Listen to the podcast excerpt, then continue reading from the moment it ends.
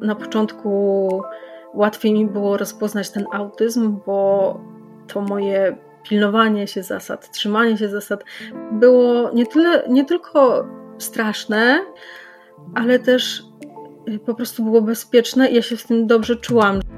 Cześć, nazywam się Ola i mam ADHD. A w tym podcaście rozmawiam z innymi kobietami, choć nie tylko, o naszej neuroróżnorodności, drodze do diagnozy i życiu przed nią i po niej.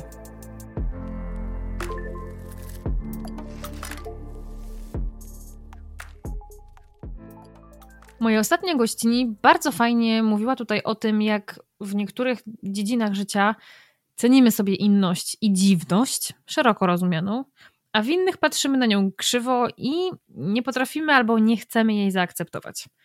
Natomiast moja dzisiejsza rozmówczyni pociągnęła ten temat i opowiedziała o tym, jak od najmłodszych lat była tej swojej inności świadoma, co sprawiało, że czuła się jak kosmitka.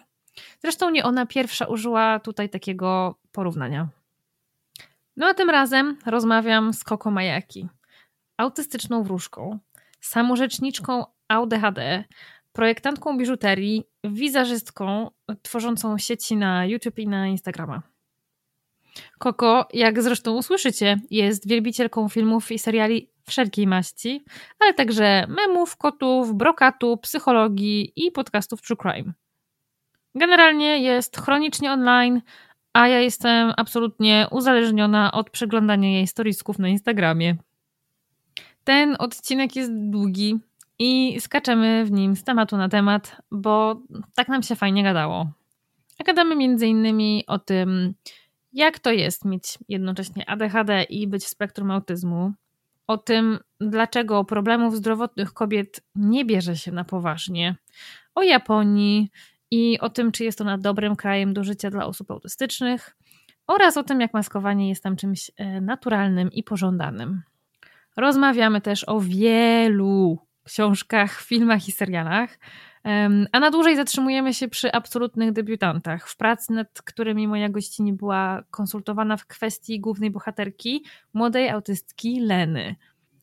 O tym, jak pięknie sportretowano w tym serialu autystyczną kobietę, już tutaj kiedyś rozmawiałam z Kają Szafrańską. E, odsyłam Was do tego odcinka. A teraz Koko daje nam wgląd w proces tworzenia tej postaci a poza tym e, wnosi bardzo ciekawą perspektywę, która może pozwoli Wam inaczej spojrzeć na serialową mamę Leny. No więc jeśli lubicie słuchać rozmów wypełnionych odniesieniami do popkultury, to ten odcinek jest zdecydowanie dla Was, bo moja gościni jest chodzącą popkulturową encyklopedią. Dodam też, że wszystkie książki, filmy i seriale, o których wspominamy tutaj, są spisane w opisie tego odcinka, więc nie musicie się martwić o robienie notatek. Zapraszam Was więc do wysłuchania tej rozmowy i tradycyjnie już pięknie dziękuję wszystkim osobom, które zdecydowały się wesprzeć mnie, stawiając mi kawę na Buy Coffee. A jeśli macie ochotę to zrobić, to link znajdziecie w opisie tego odcinka.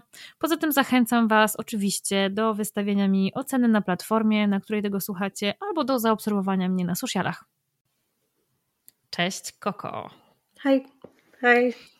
Słuchaj, ja mam na, na początek, pomyślałam sobie przed, w związku z tym, o czym rozmawiałyśmy przed chwilą, zanim włączam nagrywanko, że na start zapytam Cię o to, o czym gadałyśmy. Czyli powiedz nam wszystkim, osobom słuchającym i oglądającym, co to są truskawkowi ludzie? truskawkowi ludzie. E, to jest określenie, o którym czytałam e, w książce e, Devon Price Unmasking Autism. Po polsku to jest chyba właśnie dosłownie odmaskowywanie autyzmu. Nie, przepraszam, autyzm bez maski, zdaje się. A, okej. Okay.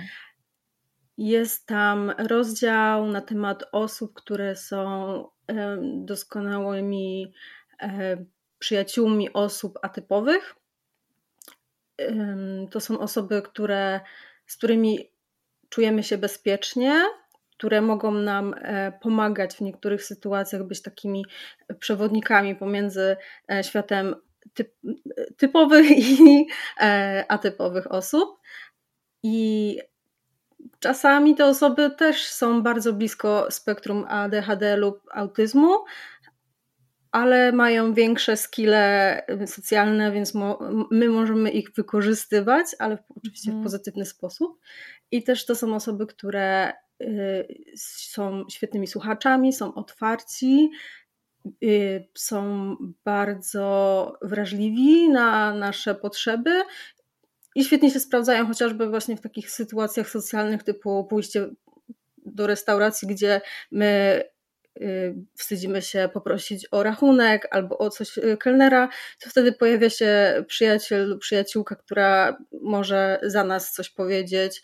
Y, ja miałam w szkole mm, taką przyjaciółkę, która była moim e, tłumaczem do spraw ludzkich i Zazwyczaj, kiedy nie byłam w stanie mówić, były takie momenty, kiedy nie, nie byłam w stanie mówić, a musiałam coś zrobić, to biedna i ją przepraszam do dzisiaj, Judytę, ale e, zawsze ją tak tyrpałam w ramię, dopóki nie odwróciła się i nie zrozumiała, że e, w tej chwili musi, znaczy musi, no ja potrzebuję, żeby coś zrobiła, na zasadzie na przykład zapytać e, e, nauczycielkę, żeby powtórzyła jakieś zdanie czy coś. I po prostu tylko wtedy byłam w stanie zrobić ten jeden ruch, czyli Judyta, Judyta, Judyta, Judyta. I ona się odwracała i mi pomagała, żeby być tym łącznikiem z resztą świata. E, I zawsze żartowałyśmy, że pewnie ma siniaki w tym miejscu, po prostu tak często to robiłam. Oczywiście jako dziecko malutką ręczką, ale e, tak, no to, to była osoba, która mi bardzo pomagała i pewnie gdyby nie ona, to przez tą podstawówkę bym po prostu nie przetrwała, bo e, były momenty, gdzie było naprawdę ciężko. Także truskawkowi ludzie to są osoby, które są doskonałymi allies dla osób wszelkiej atybułowości.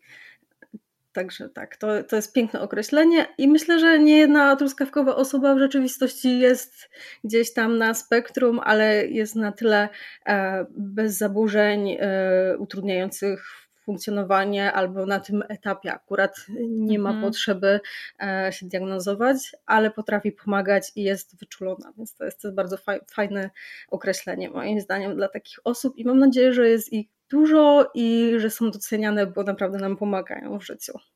Masz kogoś takiego teraz? Tak, tak. E, zresztą e, moja ulubiona e, truskawkowa osoba, Violet, niedawno się zdiagnozowała, znaczy no niedawno, zdiagnozowała się na ADHD.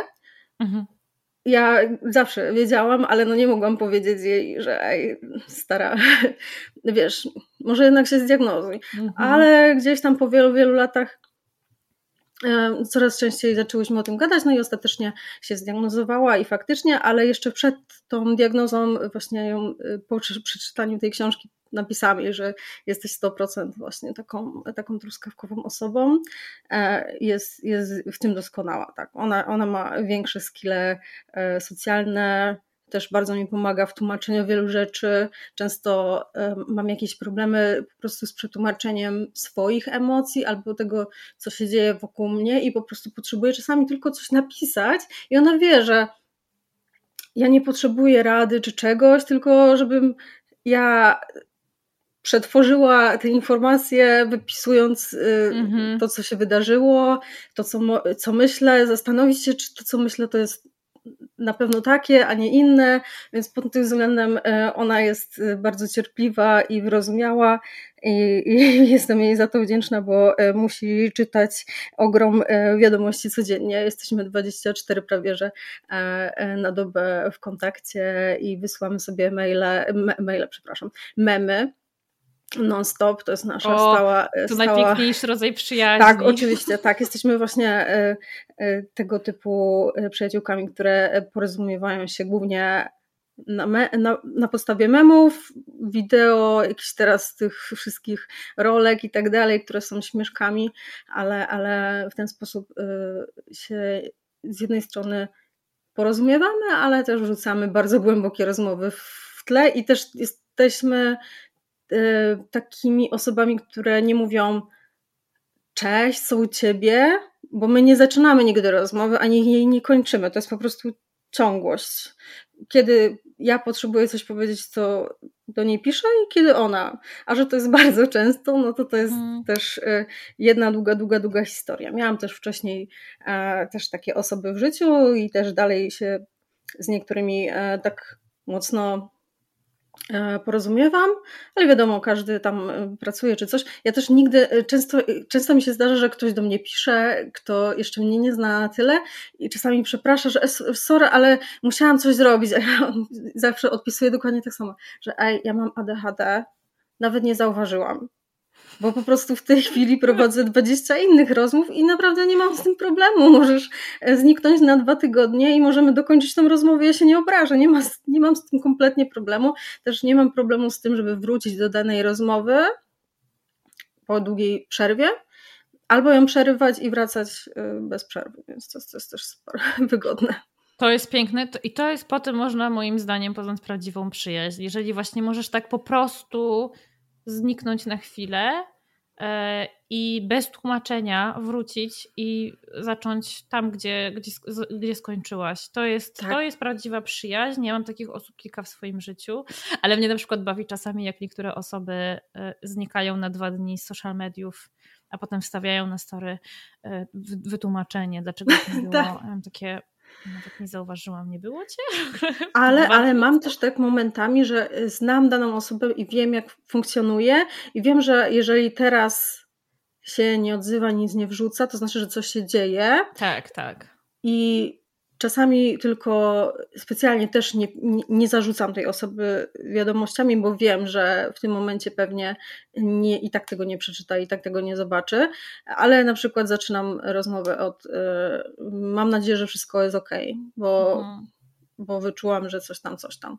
Y, ale też kompletnie nie mam problemu. Też nie mam problemu w ogóle z feedbackiem. Jeżeli ktoś mi mówi, że coś robię źle, to nie mam z tym problemu, żeby E, żeby, żeby to przyjąć, bo inaczej się nie nauczę.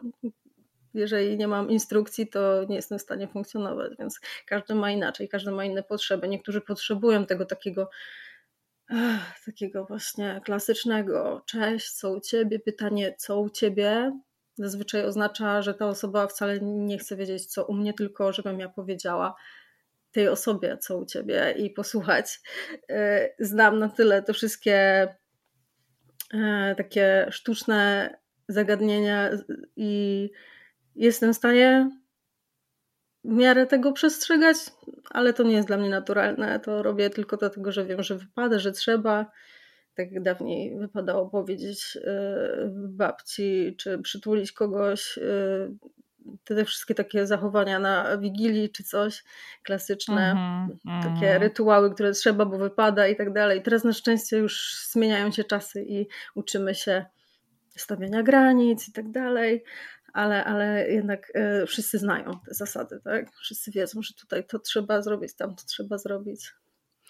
Tak, i to takie to pytanie, co u ciebie, to jest mój największy koszmar mieszkania w Anglii, bo to jest po prostu nieodłączne, nieodłączne zdanie pojawiające się po cześć. E, I oczywiście wszyscy wiedzą, że nikogo nie interesuje, co u ciebie. Najbardziej mi się podoba to you're right. I gdzie ludzie najczęściej nie wiedzą, że na to pytanie nie odpowiada się, że tak, u mnie w porządku, tylko że się odpowiada dokładnie tym samym zdaniem, nie? Więc no, miałam z tym duży problem na początku. I za, za każdym razem włączał się we mnie taki bunt na zasadzie po co mnie w ogóle pytasz, jak cię mm -hmm. interesuje, nie?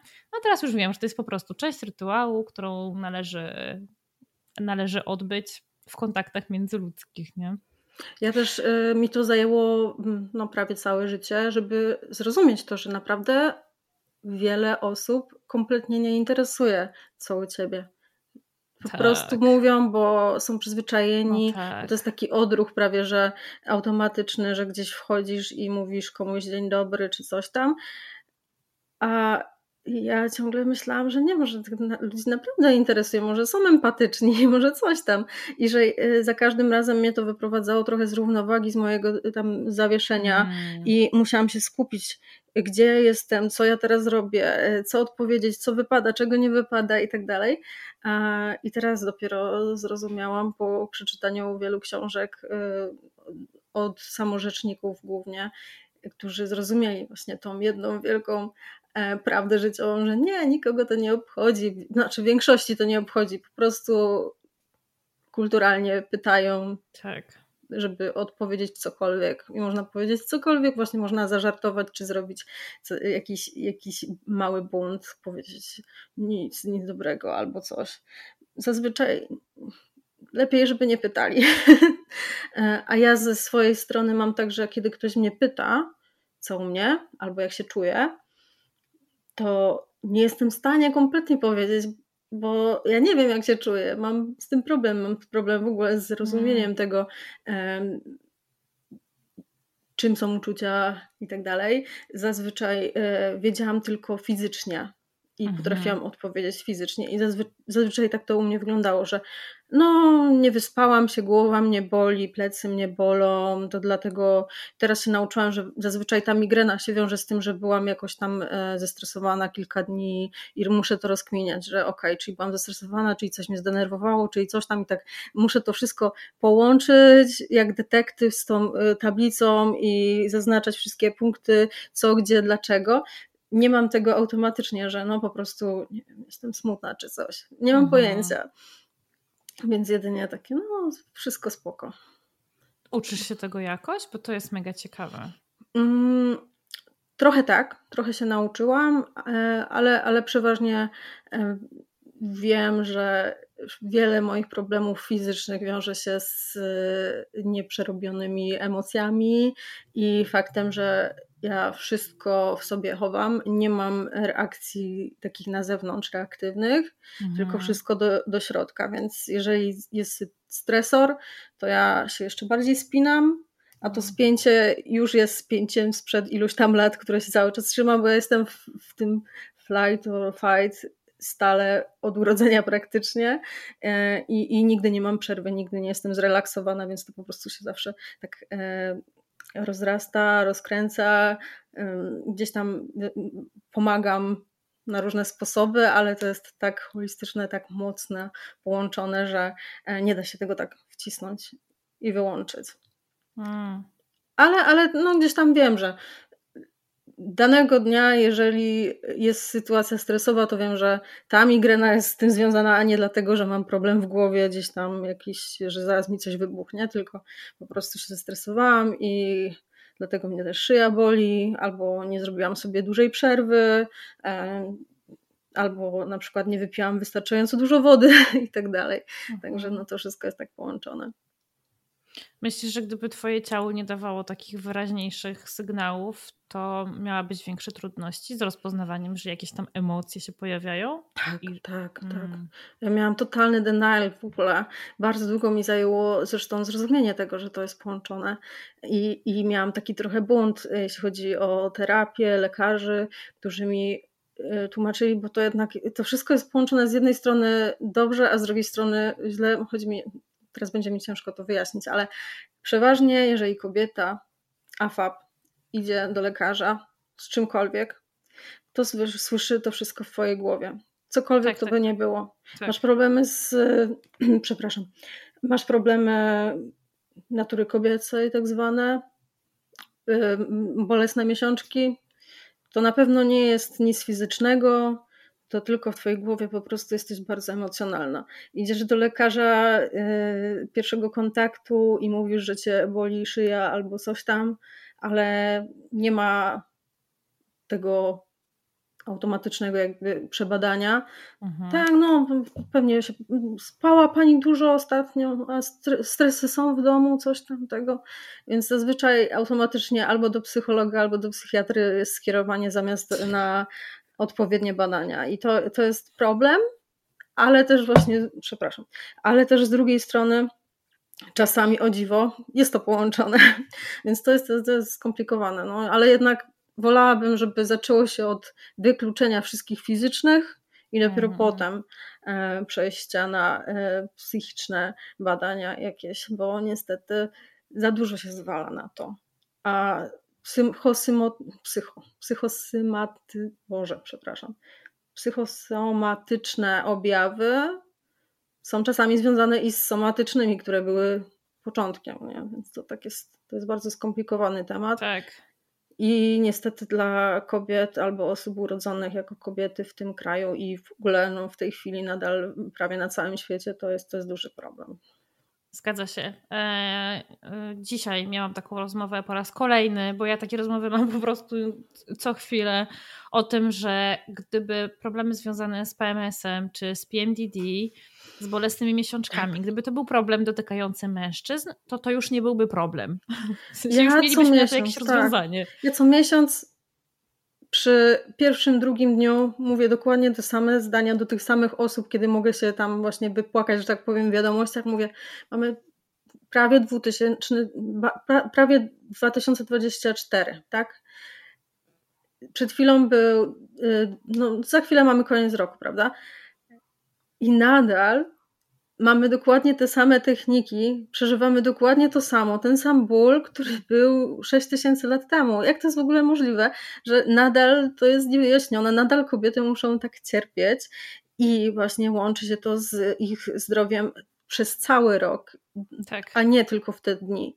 E, I właśnie tutaj z ADHD też się to łączy, i teraz na szczęście jest coraz więcej badań na ten temat, że nawet chociażby poziom e, dopaminy spada, na, których, na niektórych e, w niektóre dni, tak samo jak e, mhm. powinno się brać wyższe dawki niektórych leków w dane dni, e, tak. żeby to funkcjonowało. Więc nic dziwnego, że nawet jeżeli ktoś bierze antydepresanty, a ma większą depresję w dane dni co miesiąc, to się po prostu wiąże z tym, że te dawki nie są odpowiednio dopasowane na te dni, bo nikt nie bierze tego pod uwagę, bo badania zawsze były robione na mężczyznach, więc nie wchodziło to w całość e, badania leków też, więc to też to jest, to jest też bardzo ważne.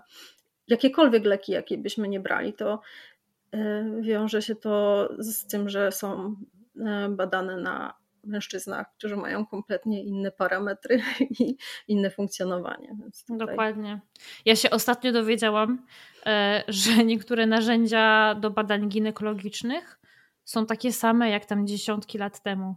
Tak, widziałam ostatnio taki film, że e, nadal pokazywali te meta, me, metalowe. Mm, nie, nie, nie pamiętam, jak się to nazywa. Ja, ja tego nie widziałam, chyba od, od lat 2000 tego nie widziałam w żadnym gabinecie, ale domyślam się, że jest to możliwe, że w niektórych krajach jeszcze stosują te takie wielorazowego użytkowanie plastikowe, ale też sam fakt, że można było używać tego samego. Zresztą jedna z najcięższych książek, jakie czytałam w tym roku, to było, to było ginekolodzy. Nie wiem, czy słyszałaś o tym? Nie, właśnie to jest mam, taki hardcore, to jest naprawdę najcięższa książka. To jest musiałam robić cały czas przerwy, bo to było tak ciężkie, okay. żeby zrozumieć to wszystko i też y, akurat w tym samym czasie le, leciał ten serial y, z Rachel Welsh. E, jak się nazywał ten serial? Taki o bliźniaczkach, ginekolożkach. Nie znam. O kurczę, będę musiała sprawdzić zaraz. E, ale jest prześwietny i jest bardzo ciężki. E, o, o, o między innymi ginekologii i o genetyce i tak dalej, kombinacji tego okay. wszystkiego i E, jest tam pokazana część e, z tych rzeczy, o których czytałam w tym czasie. Jest pokazany, wspomniany jeden z pierwszych słynnych ginekologów, który, który niestety wykonywał eksperymenty na początku na swoich niewolnicach. Mhm. I wykonywał je bardzo długo, bez jakiejkolwiek anestezji, bo jeszcze w tamtych czasach jej nie było. Mhm. I po prostu sobie metodą prób i błędów nie pamiętam ile tych dziewczyn było, ale dużo. I tyle, ile kobiet musiało przeżywać katusze mhm. jeszcze do niedawna. Zresztą na samym początku tej książki jest jakoś tak, że e, jeden z królów Kurczę, szkoda, że teraz mam. Niestety moje ADHD jest takie, że y, zapominam wszystkich ważnych imion i nazwisk. Mam identycznie. A, więc jeżeli nie przeczytałam danej książki trzy razy pod rząd przed chwilą, e, to nie będę pamiętała mocnych szczegółów, ale zaczyna się mniej więcej od tego, że jeden z królów po prostu zażyczył sobie podglądania porodu swojej, e, nawet chyba nie żony, tylko kochanki. E, mhm. I le, tylko dlatego kobiety zaczęły rodzić należąco żeby e, dlatego, że on sobie tak zażyczył. e, a to jest najbardziej nienaturalna pozycja, najbardziej niebezpieczna dla kobiet do rodzenia. Powinno się What? albo na przykład jest taki do zwisania, że trzymania się, e, kłócania i trzymania się takiego jakby jakiegoś pala albo jakichś sznurów i wtedy naturalnie wyskakuje dzieciak do, dołem. A jeżeli się leży, to, to, to stąd się bierze też tak dużo teraz cesarek, bo po prostu naturalnymi drogami się nie da należąco tak łatwo. Ale mi rozwaliłaś mózg teraz. No, jest strasznie dużo takich historii. I to się, i też sam fakt, że kobiety nie mogły być y, przyjmowane, dotykane przez mężczyzn, lekarzy, medyków, wtedy jeszcze medyków, y, y, nago, więc mhm. rodziły w tych wszystkich sukniach, flanelach, w zamkniętych pomieszczeniach, więc umierały tak często już z samego duszenia się i zmęczenia, nie? Mhm, e, mhm. I, I, e, lekarze wchodzili z zamkniętymi oczami, plecami do kobiety rodzącej, tak żeby nigdy nawet nie spojrzał na niewiastę nagą, więc to jest takie... Oh takie kombinacje były, żeby tylko nie dotknąć kobiety i po prostu ci mężczyźni byli zainteresowani ich zdrowie. Nie przeszkadzało im to. Ważne było, żeby się rodzili kolejni mężczyźni, więc e, tam nie było, nie było bardzo długo uwagi na ten temat, a tak naprawdę w tej książce to może dwóch lekarzy, tylko gdzieś tam jakichś chirurgów pojawiło się wspominanych, takich, którzy naprawdę lubili kobiety, w sensie y, y, mm. interesowało ich ich zdrowie, Dobro. bo na przykład któryś z nich miał matkę i widział, e, jak cierpiała z danego powodu mm. i chciał jej pomóc, i dlatego poszedł na medycynę i mm. zaczął się interesować e, tą dziedziną. Większość z nich po prostu się eksperymentowało na kobietach i nie obchodziło ich to, że tyle kobiet umiera, ma jakieś przetoki, cudawianki, że do końca życia nie są w stanie e, nawet, e, już pomijam, ale nawet e, tam przez te przetoki gdzieś tam problem z załatwianiem się miało i tak dalej, Także takie okropne szczegóły tam są, więc to jest mocny trigger warning, ale też ważny moim zdaniem, bo warto wiedzieć, y, że y, w tym temacie niewiele idziemy do przodu nadal. Tutaj jeszcze, jeszcze niedawno było dokładnie tak samo jak w średniowieczu, więc. E, wiesz co? E, wiem, co będę czytać w święta. Mam akurat przerwę, kilka dni, nie będę robić nic poza właśnie takimi rzeczami, które sprawiają mi przyjemność, więc e, w końcu przesuwam tę książkę na szczyt mojej listy, będę, będę ją czytać. Ale tak patrzę, że minęło 25 minut sobie gadu-gadu, a jeszcze nie dowiedziałyśmy się nic o Twoich diagnozach. No tak, to jestem ja, e, mistrzyni e, chodzenia dookoła. Moje diagnozy, tak. Ja w ogóle, e, dzień dobry, ja jestem Koko, mam 37 lat od niedawna, bo chyba kilka dni temu miałam urodziny. O I... Jezu, no coś ty. Tak. Happy, I... happy birthday. Thank you. I um, mam diagnozę ADHD, bo i ADHD i jestem też osobą w spektrum autyzmu. I e, o ADHD według moich lekarzy powinnam wiedzieć już bardzo dawno, bo podczas szukania kiedyś przeszukiwania moich e, starych dokumentów, bo potrzebowałam do, do którejś właśnie chyba diagnozy albo do czegoś tam innego, potrzebowałam mhm. e, zebrać różne dokumentacje od wszystkich lekarzy, od jakich mogłam.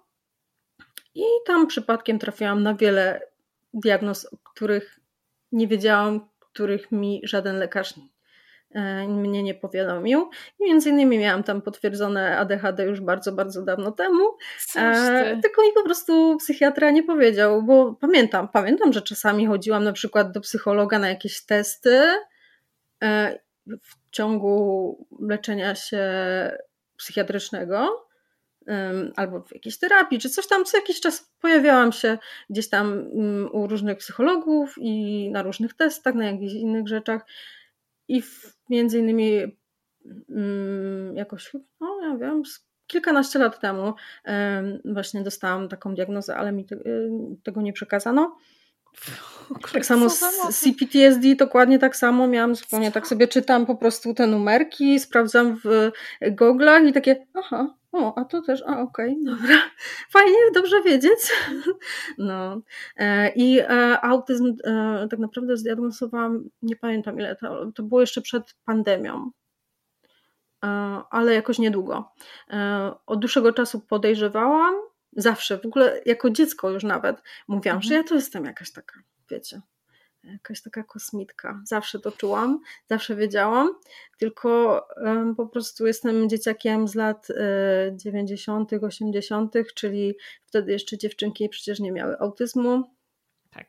I mimo, że byłam pod stałą opieką e, lekarza neurologa od urodzenia praktycznie, mhm. e, i stąd też miałam bardzo dużo papierów na różne rzeczy to i byłam leczona różnorakoż, to nie byłam badana pod kątem autyzmu, mimo że wszystko jest w aktach po prostu czarno na białym. Wszystko, wszystko co trzeba byłoby do diagnozy, wystarczyło przeczytać y, już od, pierwszy, od pisma od nauczycieli ze szkoły podstawowej, mhm. E, jakieś inne, inne takie rzeczy cały czas e, się pojawiały jakieś pisemka od różnych e, lekarzy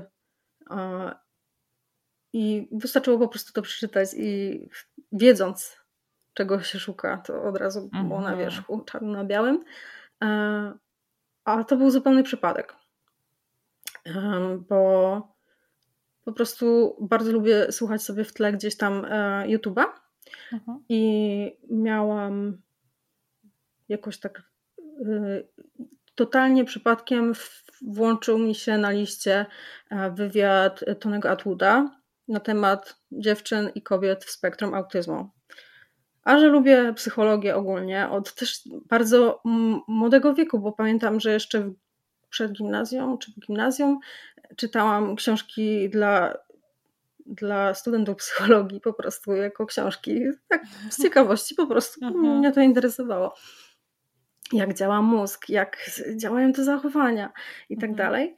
E, I kiedy przypadkiem coś robiłam i leciał sobie w tle ten, e, ten wykład, nagle miałam takie po prostu jakby się zaświeciła jakaś lampka nade mną i słuchałam coraz więcej i jakby cały świat mi się zmienił przed oczami. Nagle to jest jeden z takich momentów um, zmieniających życie po prostu, bo nagle jakiś element, którego mi brakowało w układance, e, siadł idealnie i nagle było takie a, to jest to, to chyba jest naprawdę to. I zaczęłam więcej o tym czytać, bo nigdy nie słyszałam o, mm, o objawach zaburzeń kobiet w spektrum, jak jest wielkie, jaką jest wielką różnicą. Gdzieś tam zawsze mhm. słyszałam o o zespole Aspergera słyszałam bardziej niestety w mediach negatywnie. E, Aha. Bohaterowie zazwyczaj byli tacy mocno stereotypowi i to było zawsze takie, że aż można by się było przestraszyć, że to było bliżej jakiegoś socjopatyzmu w mediach, jeśli chodzi o. Ja, ja nie mówię, że tak jest, tylko takie miałam przeświadczenie, bo tak się to, tak się to pojawiało zawsze w mediach w serialach, czy w filmach, w książkach i e, było to tak pokazywane. Więc kiedy zaczęłam słuchać o objawach i o na przykład e, zainteresowaniach dziewczyn w spektrum, o tym, że są bardziej e, na przykład związane z literaturą, z filmami, z tworzeniem sztuki, zwierzętami i tak dalej, że są typowe kociary i koniary. I mhm. miałam takie po prostu otwierają mi się oczy i miałam takie, Jezu, no naprawdę, to jest to. I e, zaczęłam czytać o tym więcej od razu. Włączył mi się hiperfokus na ten temat i zaczęłam sobie ciągle przypominać jakieś sytuacje z mojego życia, które e, były wreszcie wyjaśnione. Czemu czegoś nie rozumiałam i tak dalej. No i miałam szczęście, że miałam ogromną właśnie tą um, dokumentację. Mhm. Miałam szczęście, więc u mnie jeśli chodzi o diagnozę to nie było trudne, bo wystarczyło ją przeczytać, a miałam świetną psychiatrę, mam nadal, e, która mnie leczyła już na tyle długo, że też mnie znała i e, zaczęłyśmy ten temat poszerzać. Zajęło to z pół roku, tak, że zaczęło to e, sobie się rozkręcać ten temat i zaczęłyśmy to wspólnie jakby, no właśnie diagnozować i zbierać coraz więcej e, informacji na mój temat, w tym w, w, e, od, od rodziny i tak dalej. Także mhm. na szczęście u mnie to było dużo łatwiejsze niż czasami dla osób, które na przykład nigdy nie było neurologa albo nigdy nie było psychologa. Mm, ja to miałam od dzieciństwa, więc u mnie to było bezproblemowe w tym temacie. I mam za sobą też e, terapie, które nie działały właśnie dlatego, że teraz już wiem dlaczego. Po prostu nie były do mnie dostosowane. I, i wszystko się zmieniło w moim życiu od tego czasu, bo powoli zaczęłam się poznawać na nowo i rozumieć, że ze mną nic nie jest nie tak i nie mhm. muszę być na siebie zła za każdym razem, jak coś, coś mi nie wyjdzie, bo e, i poznawać te wszystkie powody, dla którego mi się coś nie udawało w życiu wcześniej. Mhm. I uczyć się na przyszłość, żeby, żeby, żeby było to łatwiejsze następnym razem. Nie? Bo po prostu brakowało mi danych w moim, w moim mózgu, żeby funkcjonować dobrze za każdym razem gdzieś tam dochodziłam do jakiejś ściany i nie dało się po prostu iść dalej. I nie wiedziałam dlaczego. Nie wiedziałam, co zrobić więcej. Brakowało mi czegoś, i to, to teraz wiem, że to po prostu były rzeczy, których się nie da zmienić. Po prostu to jestem ja i można jedynie gdzieś tam dookoła coś poprawić, zmienić, żeby ułatwić mi funkcjonowanie, dzięki czemu teraz jest o wiele lepiej niż, niż było brakowało takich dość istotnych danych, co? Kurczę, takich bardzo, tak. bardzo, bardzo ważnych do, do tego, żeby mieć ten pełny obrazek. Ale jak to się stało, że z jakiego powodu ty byłaś od najmłodszych lat pod opieką neurologa? E, ja już e, niedługo po porodzie byłam bardzo chorowita i um, jakoś nie pamiętam ile miałam miesięcy czy tam lat, ale wiem, że um, miałam chyba jakąś tam jedną chorobę.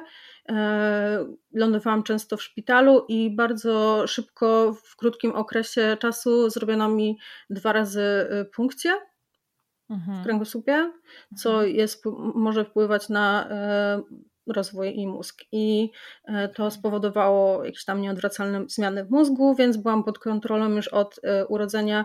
Miałam też właśnie w temacie diagnoz miałam też e, szybko zdiagnozowane już u neurologa, między innymi u psychologów i tak dalej, e, że mam dysleksję, dysgrafię, dysortografię. Mhm. Wtedy jeszcze nie wiedziałam o dyskalkuli, teraz wiem, że jeszcze mam dyskalkulię, dyspraksję, mhm. więc miałam mhm. wszystko dys, zawsze się śmiałam, że jestem po prostu dys, dys, dys, dys, dys.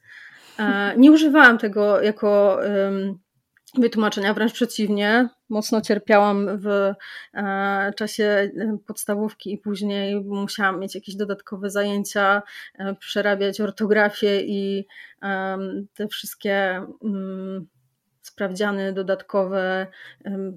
To był koszmar. koszmar. I kompletnie mi to nie pomagało. To jest najlepsze, że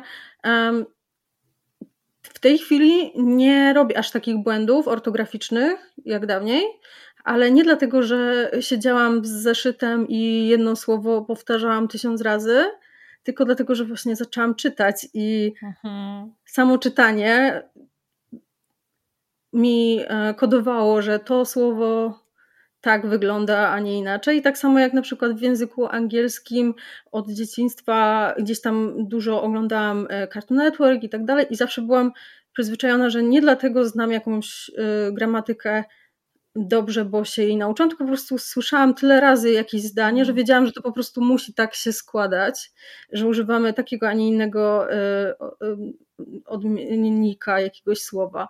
I pisząc, po prostu mam w głowie, że tak wypada, po prostu tak powinno to wyglądać, bo to już słyszałam, to widziałam tyle razy, a nie dlatego, że siedziałam i powtarzałam z podręcznika pytanie, odpowiedź, pytanie, odpowiedź. Nie? Więc po prostu z powtarzania, bardziej z słuchania i z czytania danych, danych e, rzeczy. Więc miałam dużo utrudnień w szkole.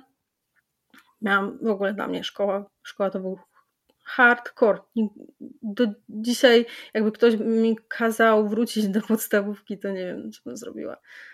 Znaczy, teraz łatwiej by mi było, gdybym no wiedziała. No tak, z tą wiedzą. Ale, ale to był koszmar, tak. To jest je, większość moich problemów później było związanych z tym, że tak ciężko przeżyłam y, szkołę już podstawową i później cały, cały system szkolnictwa nasz polski e, mocno wywarł na mnie stygmę i Myślę, że część mojego CPTSD jest związana w ogóle już z samą szkołą. Już pomijając wszystkie inne problemy, to, to większość e, jakichś takich problemów e, psychologicznych, jakie później miałam, to, to wiązało się po prostu z traumą ze szkoły. Bo tak mocno była, e, tak ciężko mi było funkcjonować i robić to, co trzeba, kiedy nie wiedziałam, co trzeba robić i co robię nie mhm. tak. I dlaczego to robię źle. I dlaczego. Mhm.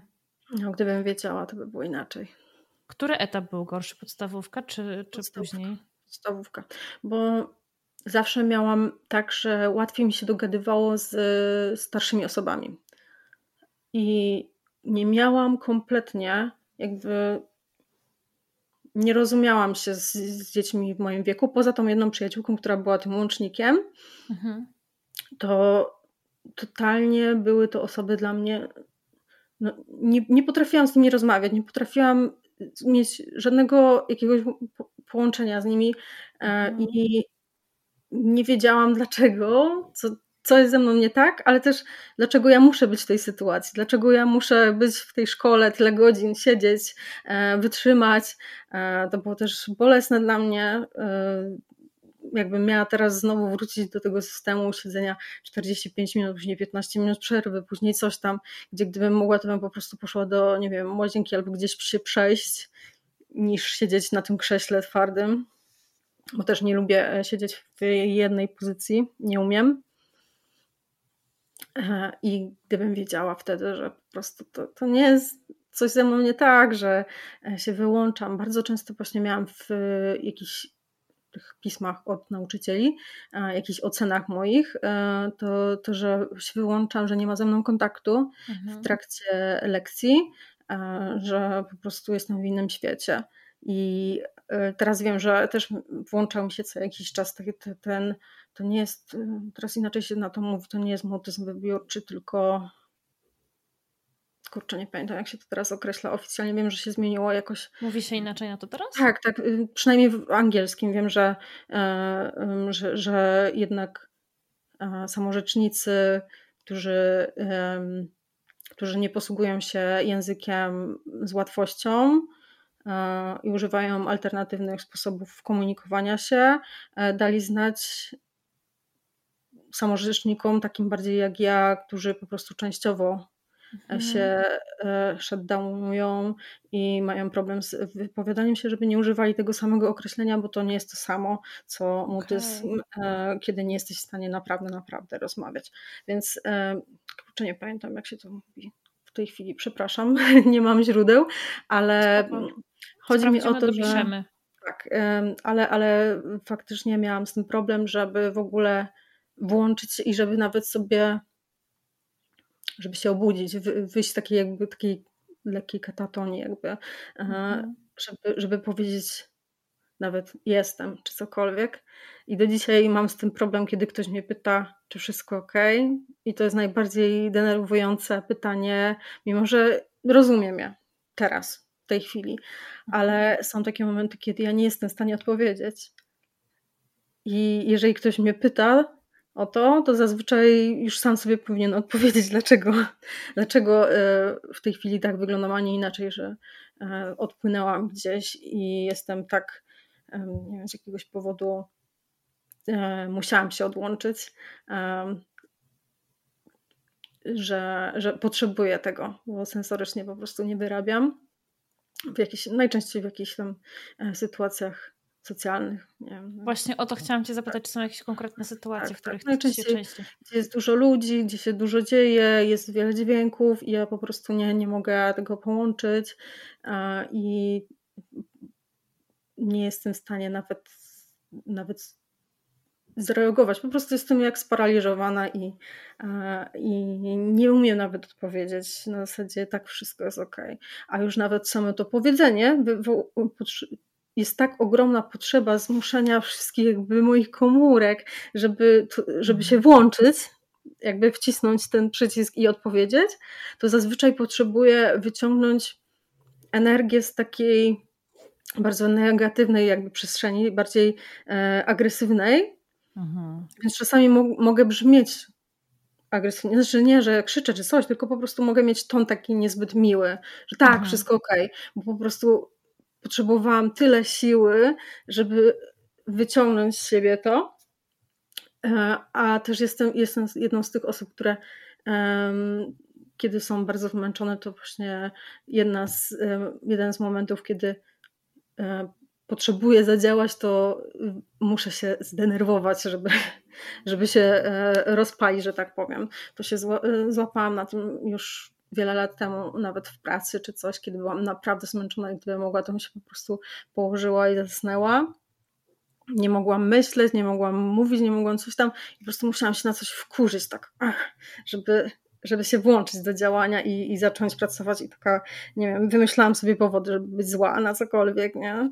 E, żeby tylko po prostu y, zacząć działać jak y, jakiś pociąg y, taki parowy, żeby się rozkręcić, mm -hmm. żeby, żeby pracować, bo normalnie gdybym mogła, to po prostu się położyła i zasnęła.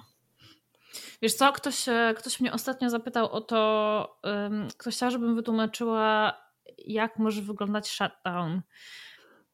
Jakbyś tak miała ty opisać, jak to wygląda u ciebie? Ja myślę, że to jest ciekawe, bo mogą być słuchać tego osoby, które nie do końca wiedzą, o co z tym shutdownem tak, chodzi. Tak, to też każda osoba jest inna. To jest też ważne, że każda osoba w spektrum jest inna i ma inne zachowania, inne mhm. odczucia. I też uwielbiam słuchać innych osób, bo każdy nawet patrząc na jakąkolwiek sytuację, zareaguje, zareaguje inaczej i też poczuje się inaczej. Tak. Ja mam zazwyczaj tak, że jest, jest zbyt głośno, słyszę za dużo rzeczy, bo mam bardzo wyczulony głos. U mnie, znaczy dźwięk. U mnie słuch jest tak bardzo wyczulony, że nie mogę spać, bo słyszę na ulicy gdzieś tam jakiś w oddali samochód, który e, się włącza i wyłącza na przykład. Mhm. Słyszę rury gdzieś tam w ścianach e, z wodą płynące dwa pokoje ode mnie. Słyszę e, szelest gdzieś tam w mieszkaniu i prąd to jest też coś, co jest po prostu tak irytujące. Już pomijam stare lodówki słynne. Właśnie to jest też dla mnie najłatwiejsze do wytłumaczenia dla osoby, która jest yy, neurotypowa. Bo ten dźwięk każdego irytuje, tylko po prostu większość osób to słyszy tylko raz na jakiś czas wchodząc do, do kuchni. Tak. I tylko wtedy, kiedy się na tym skupi, to wie o co chodzi. Ale my to słyszymy cały czas, tylko po mhm. prostu musimy jeszcze słyszeć rozmowy, osób, które do nas mówią, e, rozumieć, co te osoby do nas mówią, przetwarzać te informacje, jeszcze zmusić się do tego, żeby e, odpowiedzieć czy coś. Więc te wszystkie e, dźwięki do mnie docierają, a zarazem też światło. I też mam bardzo mocny węch, niestety. Bardzo. Więc u mnie wystarczy jazda autobusem. To jest koszmar bo jest zbyt wiele różnych nieprzyjemnych zapachów i tak dalej.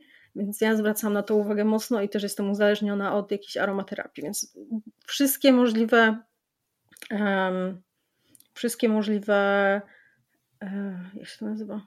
Właśnie się roz, rozłączam mi mózg.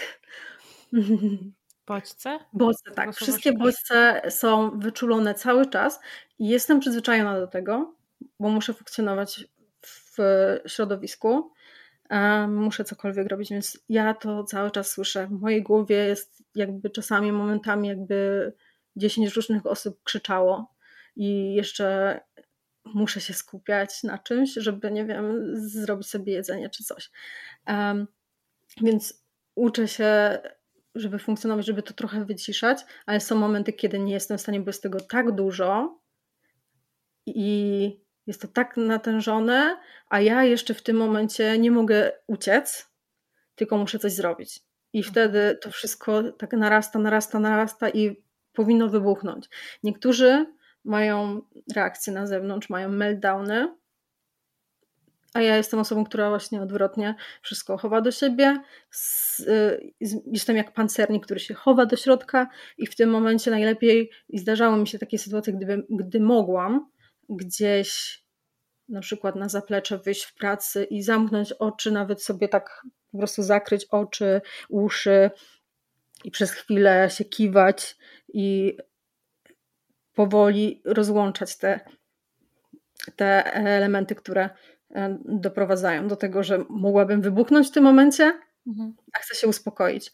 I to jest taki moment, w którym jakby ktoś do mnie przyszedł, to tak jakby jakbym była taką tą rybą, taką, która puchnie i ma, ma i takie igiełki. To właśnie jakby ktośkolwiek w tym momencie do mnie podszedł i właśnie zapytał, czy wszystko ok, to mam do wyboru albo nie odpowiedzieć i być dalej skupiona y, na medytacji, wyłączeniu się totalnie i e, powoli e, powiedzmy, że relaksowania tych wszystkich bodźców, e, albo zmuszenie się do tego, żeby odpowiedzieć, co jest czasami właśnie takim wybuchem, że nie, albo e, sorry, muszę teraz, muszę teraz wyjść. E, czasami tak mam, że e, od razu mówię w takiej sytuacji, że sorry, ale muszę w tej chwili wyjść, e, muszę się przejść, muszę gdzieś tam, nie wiem, świeżego powietrza e, poddychać i tak dalej.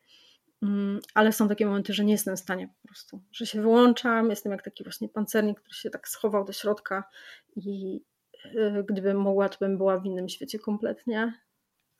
Mhm. I, I, w szkole miałam takie momenty, że e, zmieniałam się jak, jakby w takiego manekina, który po prostu był tam fizycznie, ale w rzeczywistości mnie tam nie było. Byłam gdzieś tam w mojej bajce, którą sobie wymyślałam w głowie, żeby funkcjonować, albo nawet nie wiem, nawet jak, jakby są momenty, których nie pamiętam, po prostu e, tak jakby ktoś mnie wyłączył na chwilę z prądu i włączył za jakiś czas za jakieś ileś tam, kiedy trzeba było wstać, bo, bo się skończyła lekcja czy coś, więc to też tak różnie bywało. Ciężko, ciężko mi sobie przypomnieć te momenty, ale, ale są takie zazwyczaj, kiedy po prostu było tak dużo stresorów, że już się nie dało inaczej. Już nie, nie było wyjścia, a też nie znałam e, powodów mhm. i rzeczy, których mogłabym uniknąć, żeby do tego doszło. No właśnie, bo to jeszcze to dochodzi, nie? Że, że ten brak wiedzy na temat tego, co z nami się dzieje, prowadzi do tego, że my nie wiemy zupełnie, co może spowodować jaką reakcję, nie? I nie, ma, nie mamy jak się chronić w ogóle w tak, takich sytuacjach. Dokładnie, dokładnie. I to też jest takie, że ta, dlatego ta diagnoza zmieniła moje życie i później też, kiedy dowiedziałam się o ADHD, że mam to w papierach, ale w międzyczasie też już i tak i tak próbowałam się diagnozować pod tym, w tym temacie, bo, bo czytając o autyzmie bardzo dużo rzeczy mi się um, nachodziło na objawy ADHD i nie mhm. wiedziałam, czy, czy może w ogóle nie jestem autystyczna, autystyczna, tylko mam ADHD, czy w ogóle sobie wymyślam, czy cokolwiek, czy coś jest nie tak. Ale im więcej czytałam i dowiadywałam się i też rozmawiałam z moją e, psychiatrą i czytałam moje akta i tak dalej, e, no to no i robiąc e, też testy, to, to wyszło, że jednak to jest też ADHD i faktycznie no jednak wiedząc, że ma się ADHD też się zmienia kompletnie podejście do całego życia i też to jest taki kamień z serca, bo całe życie, całe moje życie, większość moich problemów było związane z tym, że wiedziałam, że coś jest ze mną nie tak, nie jestem taka jak potrzeba. Nawet jako takie małe dziecko, tam nie wiem, siedmioletnie czy sześcioletnie, że to je, ze mną jest coś nie tak, że cała reszta jest inna. A ja nie jestem taka jak inni i nie wiem co, po prostu jakbym była taką kosmitką, którą ktoś zostawił, jacyś kosmici zostawili dziecko gdzieś tam wśród e, ludzi i samo ma się domyślić i uczyć tych zachowań, które mają wszyscy dookoła i też to udawanie jest tak męczące. Maskowanie do dzisiaj jest dla mnie bardzo ciężkie. I to też czasami powoduje, że, e, że, że mam właśnie ten e, shutdown, bo po prostu już nie jestem w stanie maskować, bo jest tak dużo bodźców, że ta maska spada i, i już nie mogę się uśmiechać, już nie mogę e, być miła i ciepła i tak dalej, i pomagająca innym, kiedy w tym momencie potrzebuję ja pomocy. I myślę, że to, to, to, to, że zrozumiałam, że ze mną jest nic złego, po prostu jestem inna. I to wszystko musiałam na nowo jakby tak rozplątać, taki wielki warkocz całego mojego życia, jak sobie układałam wszystko w głowie i powoli każda sytuacja mi się przypominała, kiedy właśnie byłam zła na siebie i to uczucie zostaje, to, to powoduje takie rany wewnątrz, które trzeba było gdzieś tam przerabiać później, nie? Um, I uczyć się, że, że nie jestem nikim złym, nie zrobiłam, że czasami nawet jeżeli się obwiniałam w jakiejś sytuacji, to teraz wiem, że gdybym wiedziała, co ze mną było nie tak, to słyszę chyba karetkę. Właśnie chciałam powiedzieć, usłyszałam, że coś, coś jedzie chyba. No sorry, muszę poczekać, bo to za bardzo e, wyrywa, przepraszam. Mhm, nie ma problemu. Tak, właśnie. I maskowanie, maskowanie było dla mnie sposobem na przeżycie, ale też zawsze wiedziałam, że to jest coś, że, że jestem złym człowiekiem, że udaję. I jakby zastanawianie się już w dzieciństwie, pamiętam już w podstawówce, mm, miałam takie uczucie, że jestem oszustką, że mm, z jednej strony nie jestem osobą, która robi komukolwiek krzywdę świadomie. Nigdy bym tego nie zrobiła. Jestem w ogóle pacyfistką i tak dalej w tym temacie ale też miałam zawsze takie lekko anankastyczne zapędy, żeby tłumaczyć wszystkie złe sytuacje dookoła mną, że może to ja spowodowałam coś złego. Mhm. I jeszcze dołączyć do tego tą inność i to, że ja nie wiem, co było nie tak, albo właśnie źle odegrałam jakąś scenkę, że tak powiem, rodzajową, to yy, to poczucie winy, że, że, że mogłam być właśnie złym człowiekiem, udającym kogoś i tak dalej, a zarazem nie umiem kłamać. To też jest takie śmieszne, że e, jeżeli bym musiała powiedzieć coś kompletnie, e, takie totalne kłamstwo, nie jestem w stanie. To od razu mhm. właśnie maska spada i nara, po prostu kompletnie panika. E, nie nadawałabym się na żadną morderczynię ani z tych rzeczy, bo po prostu od razu by, by mnie wyłapali. Wszystko. No, wszystko, wszystko. Nie potrafię, nie. Jak, jakiekolwiek, nawet w pracy zdarzały się jakieś takie głupoty, gdzie ja wiem, że obiektywnie wiem, że to nie jest nic złego gdzieś tam coś ściemnić, czy, czy nie wiem, jest jakaś um, wizytacja i trzeba pominąć jakieś rzeczy, żeby wyjść dobrze czy coś, to wiedziałam, że jak tylko o coś mnie zapytają, to ja nie będę mogła powiedzieć.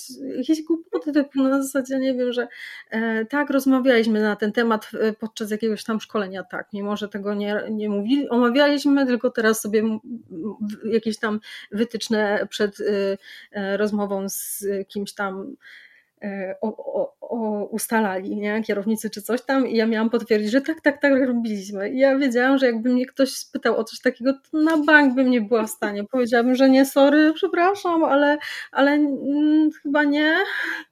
I więc zawsze w takich sytuacjach się pociłam cała i y, gdybym mogła, to uciekła, popłakała się czy coś. Więc tutaj tak, jest y, tak samo mm, zawsze miałam Także dobrze się czułam w wszystkich zasadach. Mhm.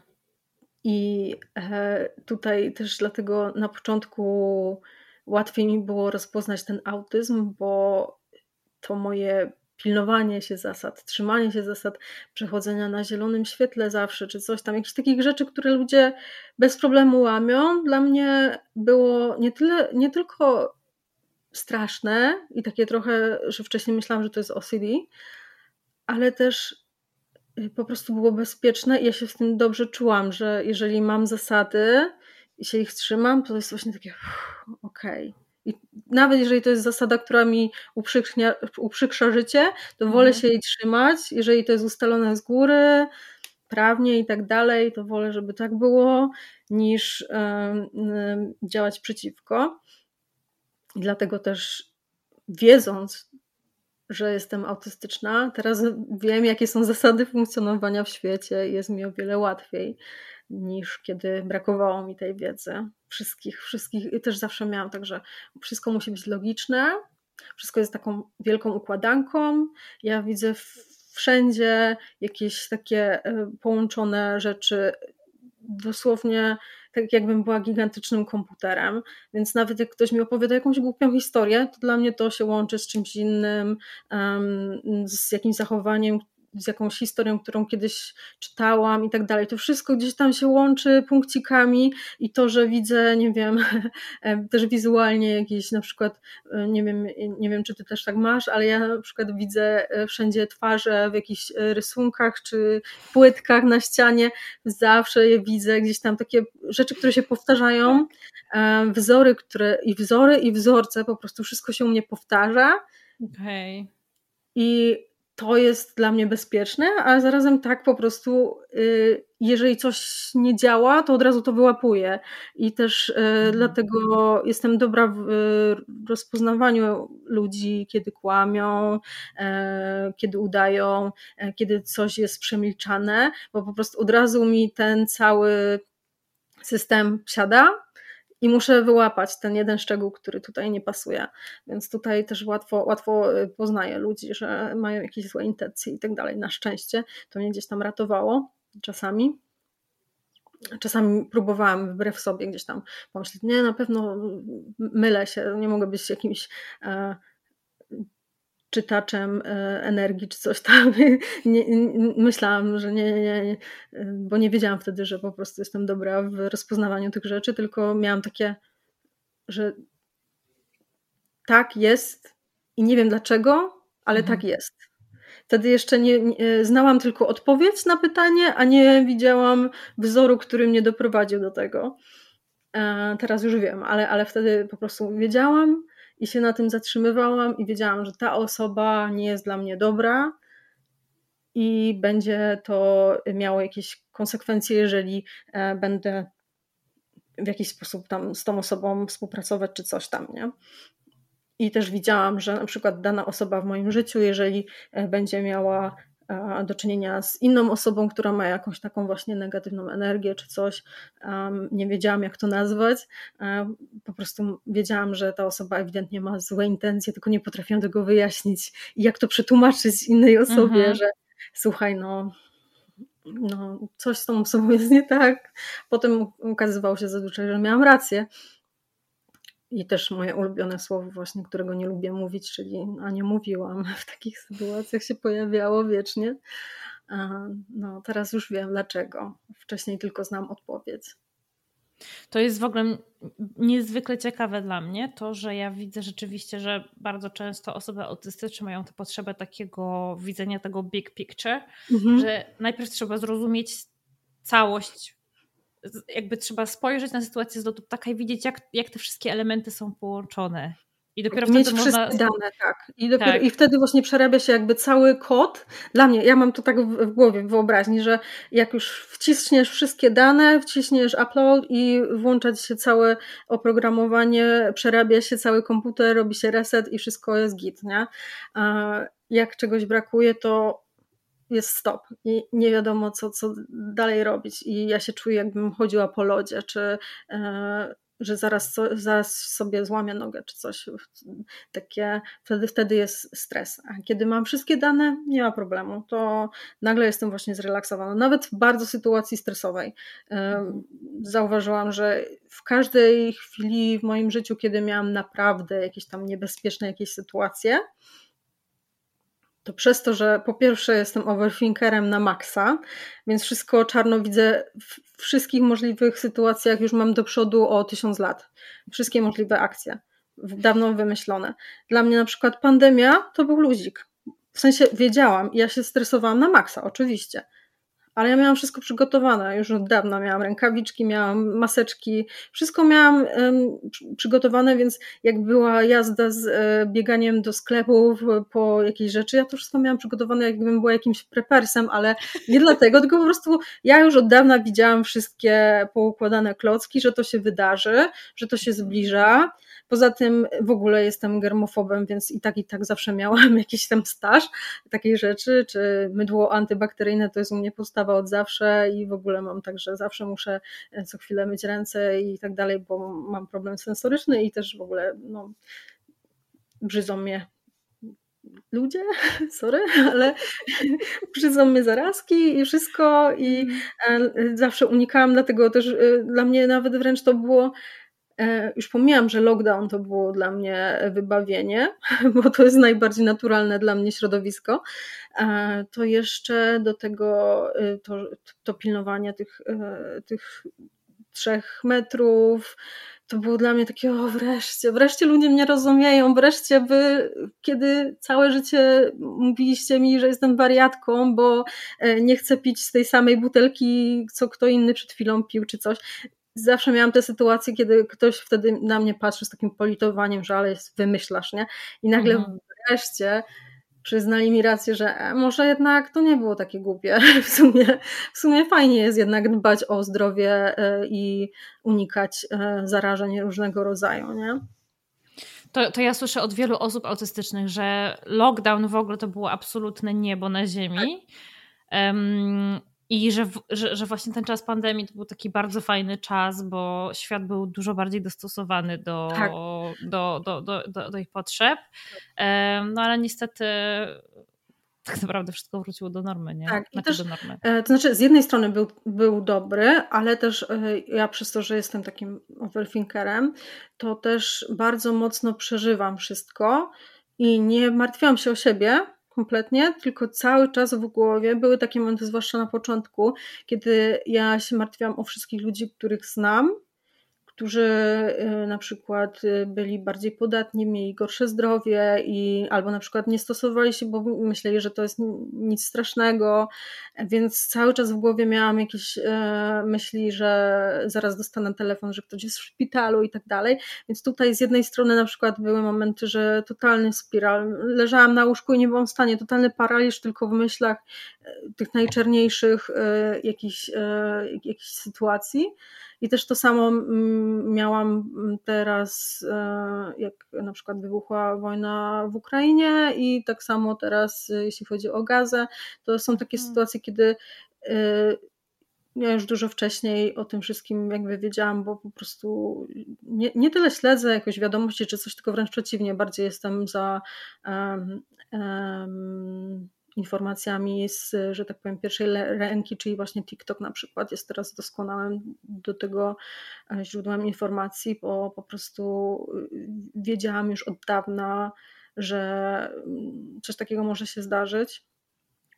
I już od kilku lat to się narastało, było coraz więcej strasznych rzeczy. Mm, tam na przykład morderstwo tej e, dziennikarki rok temu i tak dalej. To wszystko tak mhm rosło. Pamiętam, że te protesty e, coraz bardziej e, też były agresywne, co też było powodem dobrym. No nieważne. Generalnie chodziło mi o to, że ja w takich sytuacjach z jednej strony widzę i właśnie przez to, że już od dawna gdzieś tam mi się łączą te wszystkie e, kropki, a zarazem tak mocno przeżywam emocjonalnie to, że nie mogę nic zrobić, nie mogę, nie mogę pomóc tym ludziom, ale też się o nich martwię i, i to tak jakby takie, ta, ta niemoc mnie też tak rozwala totalnie, że gdybym mogła, to bym w ogóle nie wstawała z łóżka, bo też jestem taka zła na siebie, że nic nie mogę zrobić i tak dalej, także to też tak jest bardzo mm, stresujące.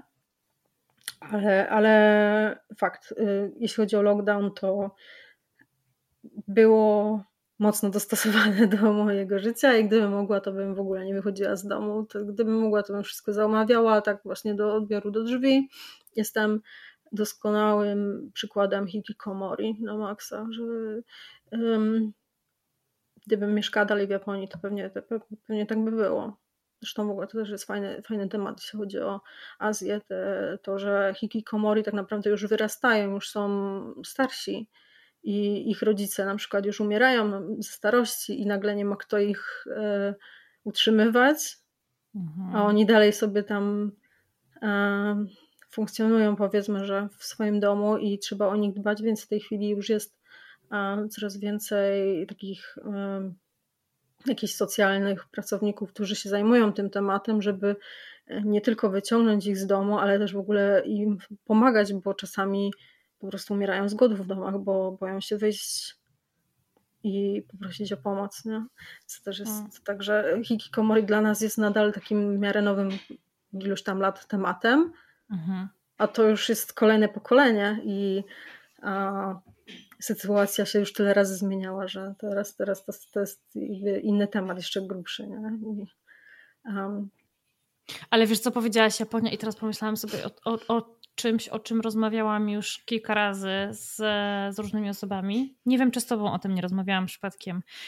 Że Japonia wydaje się być naprawdę takim idealnym krajem do życia dla osób autystycznych. Tak, to jest bardzo dobry temat. Znaczy, jest bardzo szeroki, bo z jednej strony japońskie, japońskie, hmm, jakby to powiedzieć, może. Hmm, Japończycy są, są narodem mm, po pierwsze mocno ksenofobicznym, więc już bycie obcokrajowcem tam na stałe, a nie jako turysta, jest zupełnie inny niż kiedy jesteś właśnie tym turystą, który przyjechał tylko i nagle Japończycy są bardzo mili, bardzo y, pomocni, chcą ci pokazać y, kraj z najlepszej strony. Ale też jest y, już, kiedy się już jest na stałe, albo dłużej i zna się też język, to już nagle cię traktują zupełnie inaczej i no, już nie są tak pomocni. Więc to jest jedna rzecz. Druga rzecz, e, jeśli chodzi o zdrowie psychiczne, to nadal jest mocno stygmatyzowane, więc tutaj ten temat też jest tak. bardzo, bardzo ciężki. E, plus jakiekolwiek zaburzenia nie tylko psychiczne, ale też fizyczne. Niestety jest mocna stygma e, jakichkolwiek niepełnosprawności i bycie sprawnym tam jest tylko um, wygodne, bo to jest też zupełnie inny system w ogóle funkcjonowania społeczeństwa, gdzie nie liczy się jednostka, a całość i po prostu jeżeli jesteś przeszkodą, to jesteś przeszkodą, a tak. nie, że sobie trzeba pomagać. Więc tutaj wiele jest takich negatywnych rzeczy, ale faktycznie, jeśli chodzi o całość, to bycie taką, taką powiedzmy, nie wiem, takim małym trybikiem świetnie się mhm. sprawdza, kiedy jest się autystą. Jeśli chodzi o funkcjonowanie na przykład na zewnątrz, to wszędzie są strzałki, oznaczenia, e, są nawet w miejscu tak mocno e, nagromadzenia ludzi, zawsze wiadomo, gdzie trzeba iść, wystarczy po prostu patrzeć na te wszystkie oznaczenia i są strzałki, że ten tłum w tej chwili idzie tą stroną, nie może wyjść poza jakieś linie, bo wtedy zmierzysz się z tłumem nadchodzącym naprzeciwko i wtedy jest problem. Więc jeżeli, jeżeli się słucha, nawet nie trzeba znać japońskiego, bo też część rzeczy jest po angielsku, plus jest dużo miejsc, gdzie można podejść i zapytać o coś.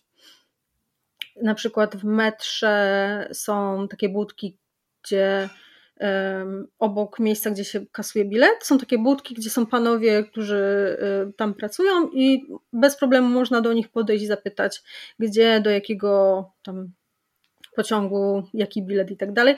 Oni zazwyczaj w miarę komunikatywnie po angielsku mówią, też jest Google i tak dalej, więc tutaj jeśli chodzi o funkcjonowanie jest doskonale, ale co jest najważniejsze, oni bardzo unikają kontaktu.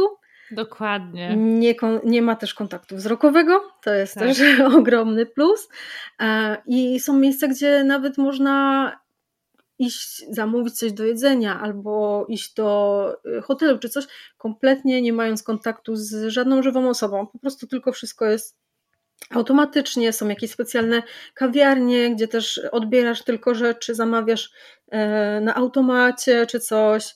E, są w tej chwili też mocno jakieś tam e, automatyczne jakieś roboty, jakieś coś tam. E, też często są miejscówki, takie sieciówki sushi, gdzie zamawiasz na tablecie, więc wszystko jest bardzo łatwe.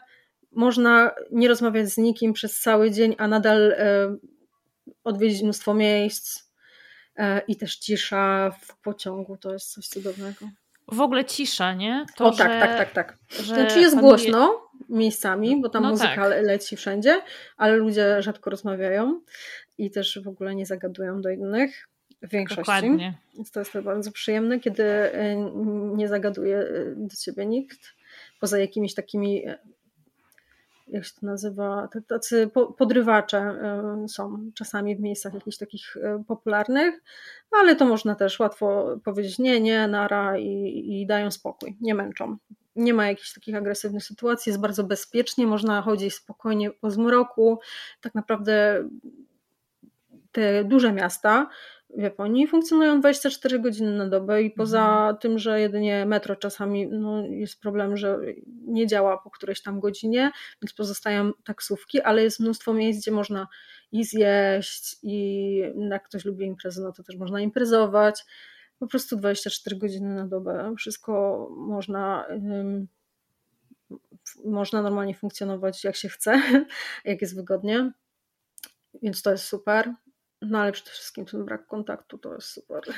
I to taka dyskrecja, to takie pilnowanie, żeby przypadkiem nikomu nie wchodzić w drogę, żeby nikomu nie przeszkodzić. Tak. Ja pamiętam, jak e, mój kolega się przeprowadził wiele lat temu do Japonii, byliśmy u niego z wizytą e, i e, on mieszka na takim, w niedużej miejscowości, na takim małym osiedlu E, oczywiście te japońskie mieszkania, które po prostu są z dykty i mm -hmm. słychać jak, jak mhm. sąsiad mm -hmm. nos tak, e, tak, tak, tak, wyciera e, obok w mieszkaniu.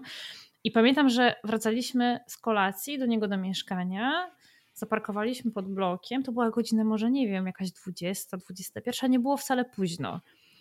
I my rozmawialiśmy ze sobą tak zupełnie normalnie. Nie, nie krzyczyliśmy jakoś mhm. strasznie głośno, ale się śmialiśmy z czegoś. A mój kolega, jak tylko wysiedliśmy z samochodu, żeby takie.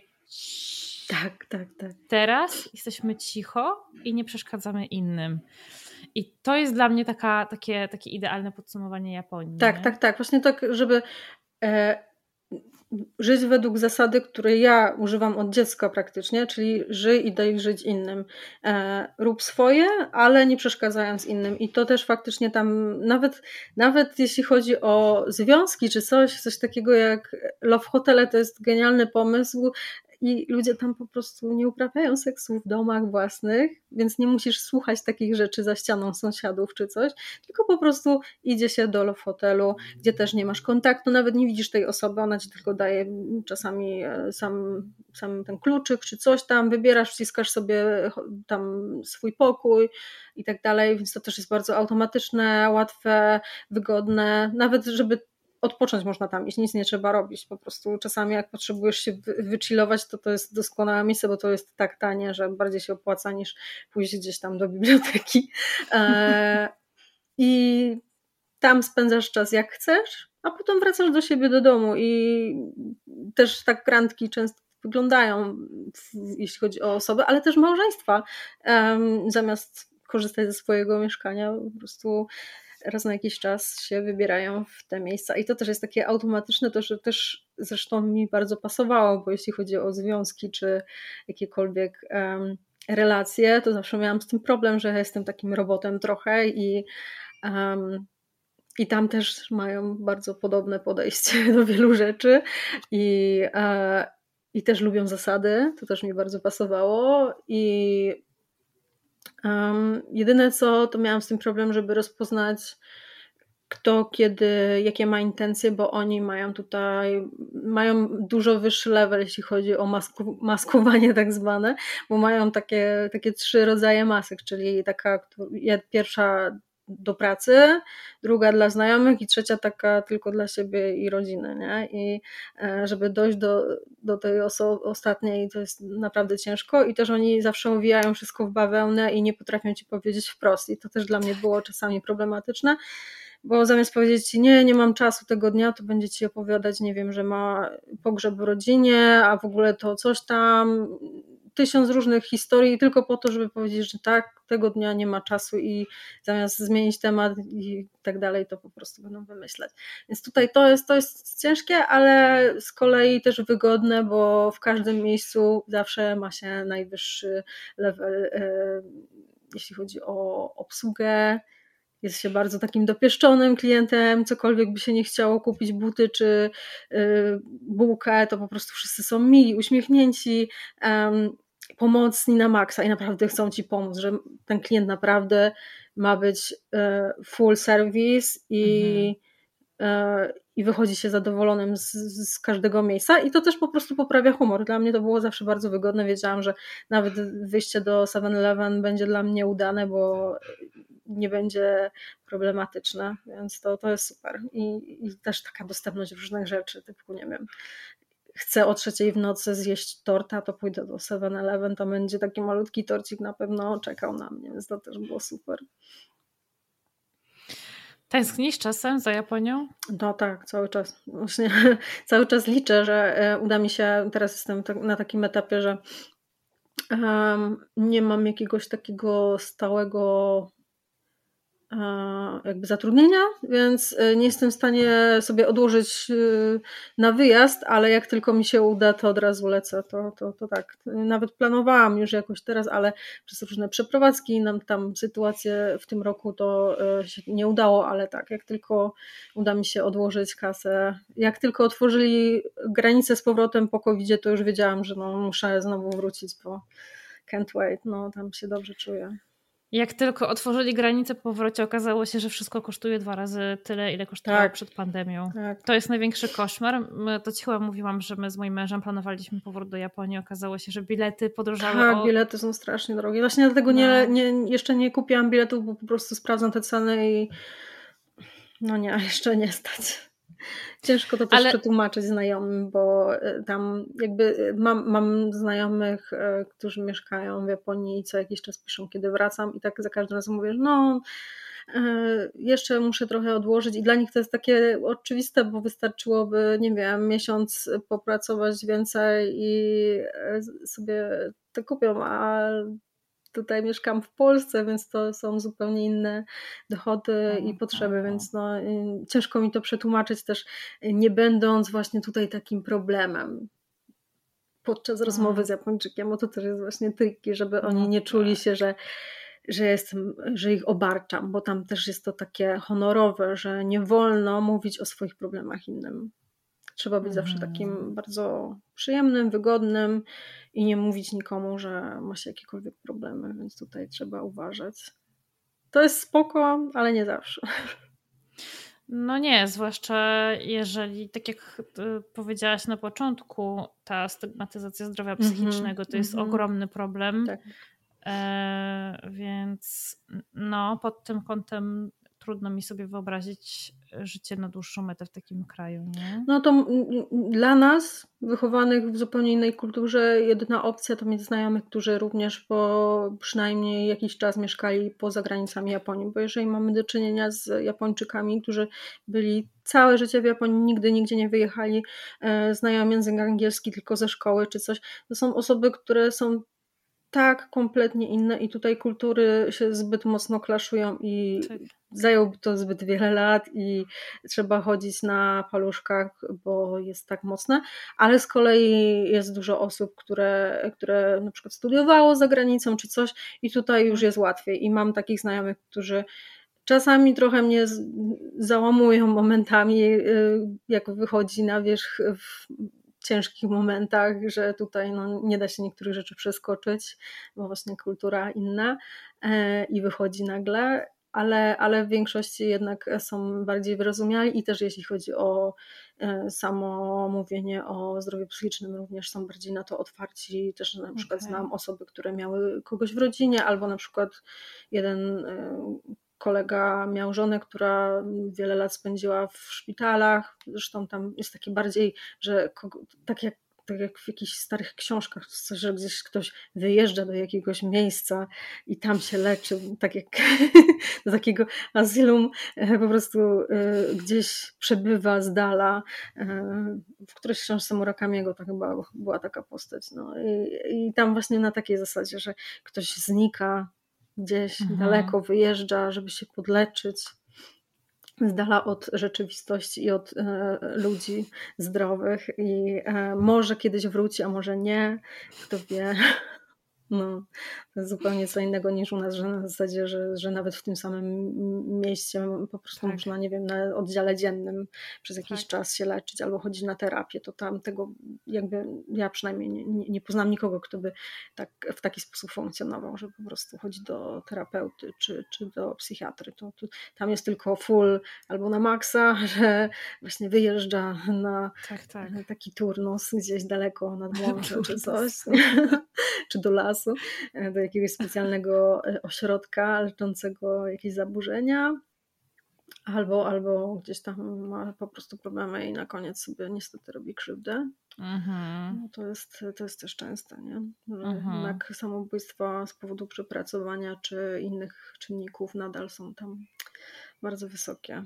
I też świetny na ten temat był e, podcast kolesia, który taki, jest taki reporter, który napisał Tokyo Vice i jest też serial e, Tokyo Vice na HBO, zresztą niedługo będzie drugi mhm. sezon. E, on jest od wielu, wielu, wielu lat mieszka w Japonii, chyba ma nawet tam żonę i dzieci mhm.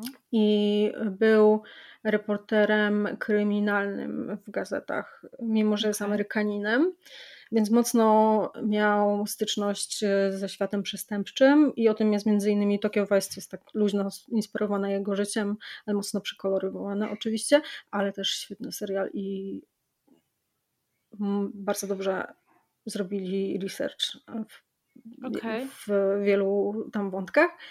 Um, ale chodzi mi o to, że zrobił świetny, jakiś chyba w zeszłym roku podcast na temat osób, które znikają mhm. Po prostu z e, różnych powodów, ale głównie po prostu chcą zniknąć, żeby nikomu nie przeszkadzać. Albo na przykład mają długi, mhm. albo, yy, albo robią sobie krzywdę, ale nie chcą, żeby nigdy znaleźć, żeby, żeby nawet nie znaleziono nic po tej osobie. Mhm, mhm. to też jest takie, że niektórzy odchodzą po prostu, bo chcą mieć nowe życie, zamiast rozpracować problemy swoje, to po prostu chcą zacząć na nowo i zniknąć, zmienić e, imię, nazwisko, bo to, jest, to, to nie jest jakieś, e, tak jak w True Crime gdzieś tam, że ktoś w jednym kraju trzy osoby w całej, na, przez, na zasadzie kilkudziesięciu lat się zdarzyło, tylko naprawdę dużo osób tak robi tam że zamiast e, się właśnie leczyć, to postanawiają zniknąć na zawsze, zostawić swoją rodzinę i zacząć na nowo w innym mieście z nowym dowodem tożsamości.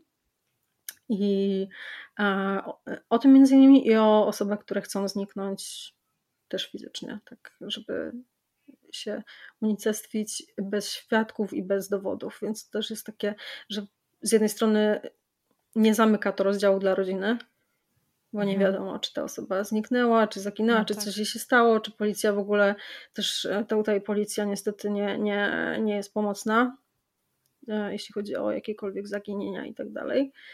Um, ale jest coraz więcej detektywów, którzy się zajmują takimi sprawami i wiedzą, czego szukać i jak szukać, i wiedzieć, że ta osoba wykonała takie ruchy, a nie inne, że można stwierdzić, że to jednak było bardziej um, coś niebezpiecznego, że jej się coś stało, a tutaj, że jednak ktoś ze świadomością zniknął i chciał zniknąć, nie? więc to też jest super, że się o tym mówi, bo to też jest taki temat tabu trochę. Mega ciekawe. E, muszę sobie, muszę sobie do tego zajrzeć. W ogóle mamy tutaj już chyba trzecią polecajkę. Sorry. Fantastycznie. Będę miała co robić w święta. Nie, dobrze, dobrze, bo mnie to bardzo ciekawi. mega ciekawy temat, y, więc y, pod, podlinkujemy wszystko, co trzeba i wrzucimy wszystkie opisy rzeczy, o których, seriali, książek, o których mówiłaś.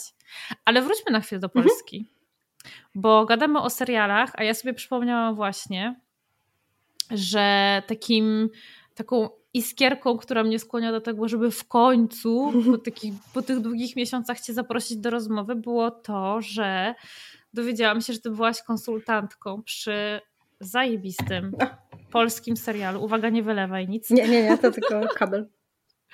Tak. który dał nam pierwszą, no nie wiem, popraw mnie, jeżeli się mylę, ale chyba pierwszą kobiecą autystyczną postać. Oficjalnie w Polsce tak, y, bo zazwyczaj niestety w serialach używa się takiego autistic coded, nie? że mhm. można sobie założyć, że ta osoba w książce czy w serialu ma cechy autystyczne, ale nie przyznają się do tego autorzy, tak. nie chcą tego potwierdzać. Nie? Nawet Wednesday, czy tak. wiele jest takich postaci, prawda? Tak. A tutaj e, cudowne twórczynie, za które trzymam kciuki, bo właśnie dostały też nominacje do paszportów polityki za ten serial. E, Kamila i Nina są super dziewczynami. E, postanowiły stworzyć serial i to też było dla mnie iskierką, bo ja na początku bardzo się bałam wejść w tą współpracę z tego względu, że no jednak e, wysoka poprzeczka, bo nie dość, że jest grana przez osobę atypową, bo Martyna nie jest autystyczna, więc tu już był nie tyle problem, co y, część samorzeczników uważa, że to jest wielkie no-no. Ale tak. też można było to wykorzystać na zasadzie, żeby pokazać, że osoba, która jest, ma mocną wrażliwość, potrafi dobrze zagrać osobę w spektrum i pokazać tą postać, tak żeby to nie było takie właśnie krzyczące in your face, tylko bardziej delikatnie i też o to mi chodziło i kiedy dziewczyny zaczęły o tym opowiadać, że to też ma być taki serial, w którym nie będzie to serial o dziewczynie autystycznej, która jest autystyczna i tak jak atypowy czy coś tam, wszystko jest pod to, tylko tak. po prostu jest to gdzieś tam w tle, że dzieją się różne inne rzeczy i ona fakt ma niektóre zaburzenia, które jej trochę utrudniają życie albo rozumienie innych, ale też to powoduje, że jest taka, a nie inna, że jest osobą, tak jak każdy inny, bo właśnie o to mi chodzi i też zawsze, e, zawsze jeśli chodzi o samo orzecznictwo, to dla mnie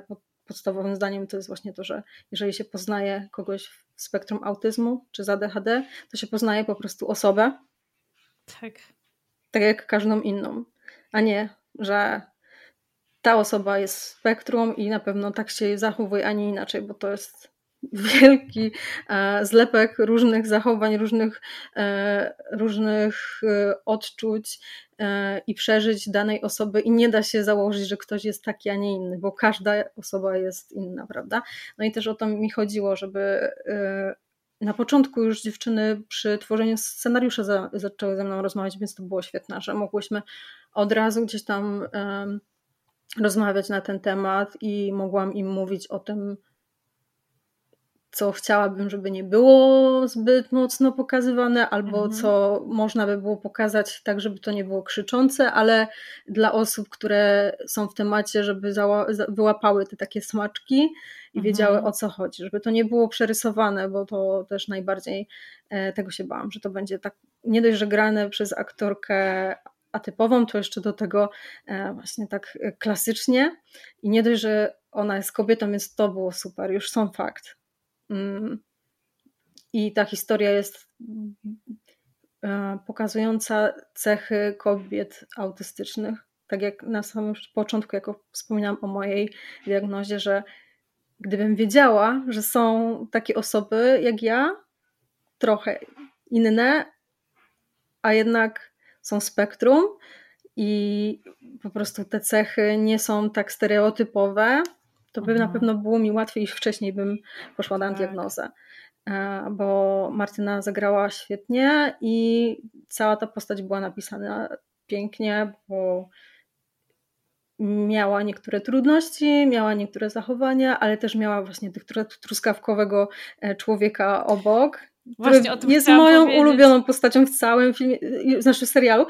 Ja do dziewczyn pisałam już po pierwszych odcinkach, jak czytałam scenariusz, że tak, oczywiście uwielbiam Lenę, jest cudowna, wiadomo, basic, nie? Ale ja po prostu kocham Niko i chcę więcej, chcę szybciej do, dostać kolejne odcinki, bo tak bardzo polubiłam jego postać i mhm. pokochałam to, że on kocha e, Lenę um, taką, jaką jest. Tak. W całości tak, tak, tak. i i potrafi reagować właśnie, kiedy potrzebuje wsparcia, to jej jego, jego mamy słynne e, przytul czy przygnieć. Mm-hmm, było cudowne. Mm-hmm. I też trochę mnie stresowało, bo to jest e, czasami może być stosowane momentami niestety w terapii bardziej w stronę przemocy, jeżeli jest źle mhm. stosowane, prawda? A mhm. tutaj ewidentnie po prostu, kiedy rozmawiałam z dziewczynami na temat tego, jak ja się czuję, jakie rzeczy mi sprawiają albo przyjemność, albo mnie rozluźniają, albo odwrotnie powodują jakieś stresory. Te dziewczyny słuchały, nie, nie, brały, nie, nie, nie brały moich wszystkich cech, bo ja też opowiadałam o innych osobach, ale po prostu mówiłam często, że ja tak nie mam, ale na przykład słyszałam o kimś tam, że tak ma, mm, a w moim wypadku jest tak i tak. Więc y, one sobie mogły skleić i zrozumieć, e, jak może taka osoba y, odczuwać. Ja akurat należę też do tej grupy, które potrzebują do rozluźnienia mocniejszego przycisku, e, ucisku i wtedy dlatego lubię e, kołdrę obciążeniową, często się gdzieś tam sama przyciskam do ciała i to mnie rozluźnia i to mnie stymuje, więc tutaj tutaj akurat mi to pasowało, ale też bałam się, że może, może komuś będzie przeszkadzać. Więc tutaj było wiele takich szczegółów, że ja czytałam już na etapie scenariusza i się bałam, że kurczę, a może innym będzie to przeszkadzać, ktoś pomyśli, że, że poszliśmy w złą stronę i tak dalej, ale na szczęście fajnie, fajnie reagowała też ekipa na moje jakieś, jakieś tipy i tak dalej i to na całym na całym etapie tworzenia, więc to było super, już na, na samym początku e, często spotykałyśmy się, e, rozmawiałyśmy i też poznałam się z Martyną. E, ona też mogła poobserwować, jak ja funkcjonuję, jak się zachowuje mhm. moje ciało i tak dalej.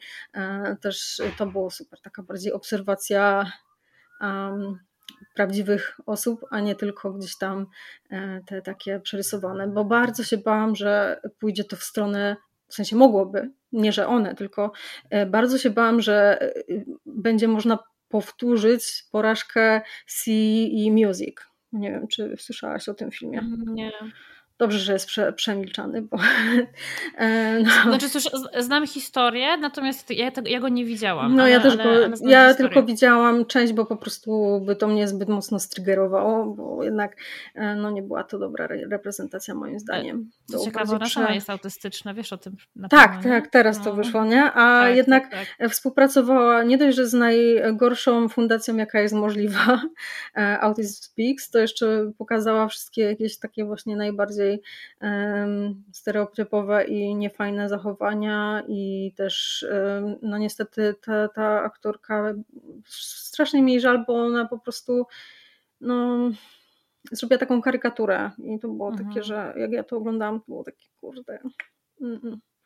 Nie, wystarczyło po prostu wziąć, nawet Sia by to mogła zagrać na pewno lepiej.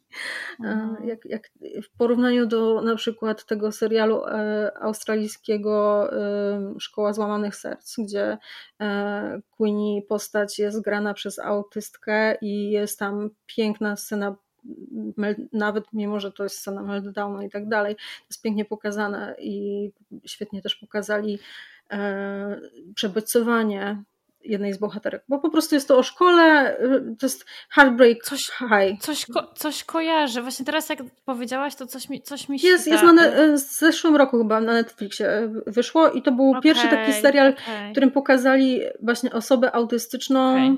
po prostu jako osobę i zagrana była przez autystkę i jest to słynna samorzeczniczka i pięknie zagrała i też dostała tak. wiele nagród okay. za to, także to okay. jest super. E, nawet wydała książkę później, także tutaj cudowna historia, więc chciałam, żeby to poszło w tą stronę niż bardziej mm. w mhm. stronę music. Także tutaj się to bardzo udało, bo e, dziewczyny słuchały i e, były bardzo otwarte i same moim zdaniem są właśnie takimi osobami truskawkowymi, bo od razu się czułam przy nich bezpiecznie E, I gdyby tak nie było, to bym po prostu nie poszła w tą stronę, bo się bałam mhm. mocno, że, że, że y, zrobię większą krzywdę mhm. mo, mojemu gdzieś tam um, środowisku niż y, pozytywne e, reprezentacje. Nie? A tutaj wyszło coś pięknego, więc to się bardzo cieszę, że, że tak. się to udało. Tak, ja naprawdę polecam ten serial wielu osobom, właśnie między innymi dlatego, żeby pokazać, jak, jak pięknie można pokazać osobę neuroatypową. Um, bo, bo ja nie wiem, jak ty to widzisz, ale ja miałam wrażenie, oglądając ten serial, że Lena jest nie tylko autystyczna, ale że ma niezdiagnozowane ADHD. Tak, tak, okazji. też tak uważałam. I też uważałam, że jej mama jest. Yy już nawet czytając, jeszcze nawet nie wiedziałam, jak będzie zagrana, a zagrana została przepięknie, też bardzo się cieszę, e, e, że jej mama jest taką właśnie niezdiagnozowaną autystką, która była tak mocno maskująca i robiąca wszystko to, co trzeba według ról kobiecych e, całe życie, że nie miała nawet czasu się zastanowić nad tym, że może ona też jest taka jak jej córka. I super, że o tym mówisz, bo tak chciałam, chciałam też o, o, to zapytać. Tak, tak. Ja, jak to widziałam już na ekranie, to miałam takie, jeju, jak dobrze, że tutaj jest, to jest tak pokazane. W sensie to jest minimalnie, to są takie jakieś małe niuanse, ale ja to czułam przez y, ekran. Aha.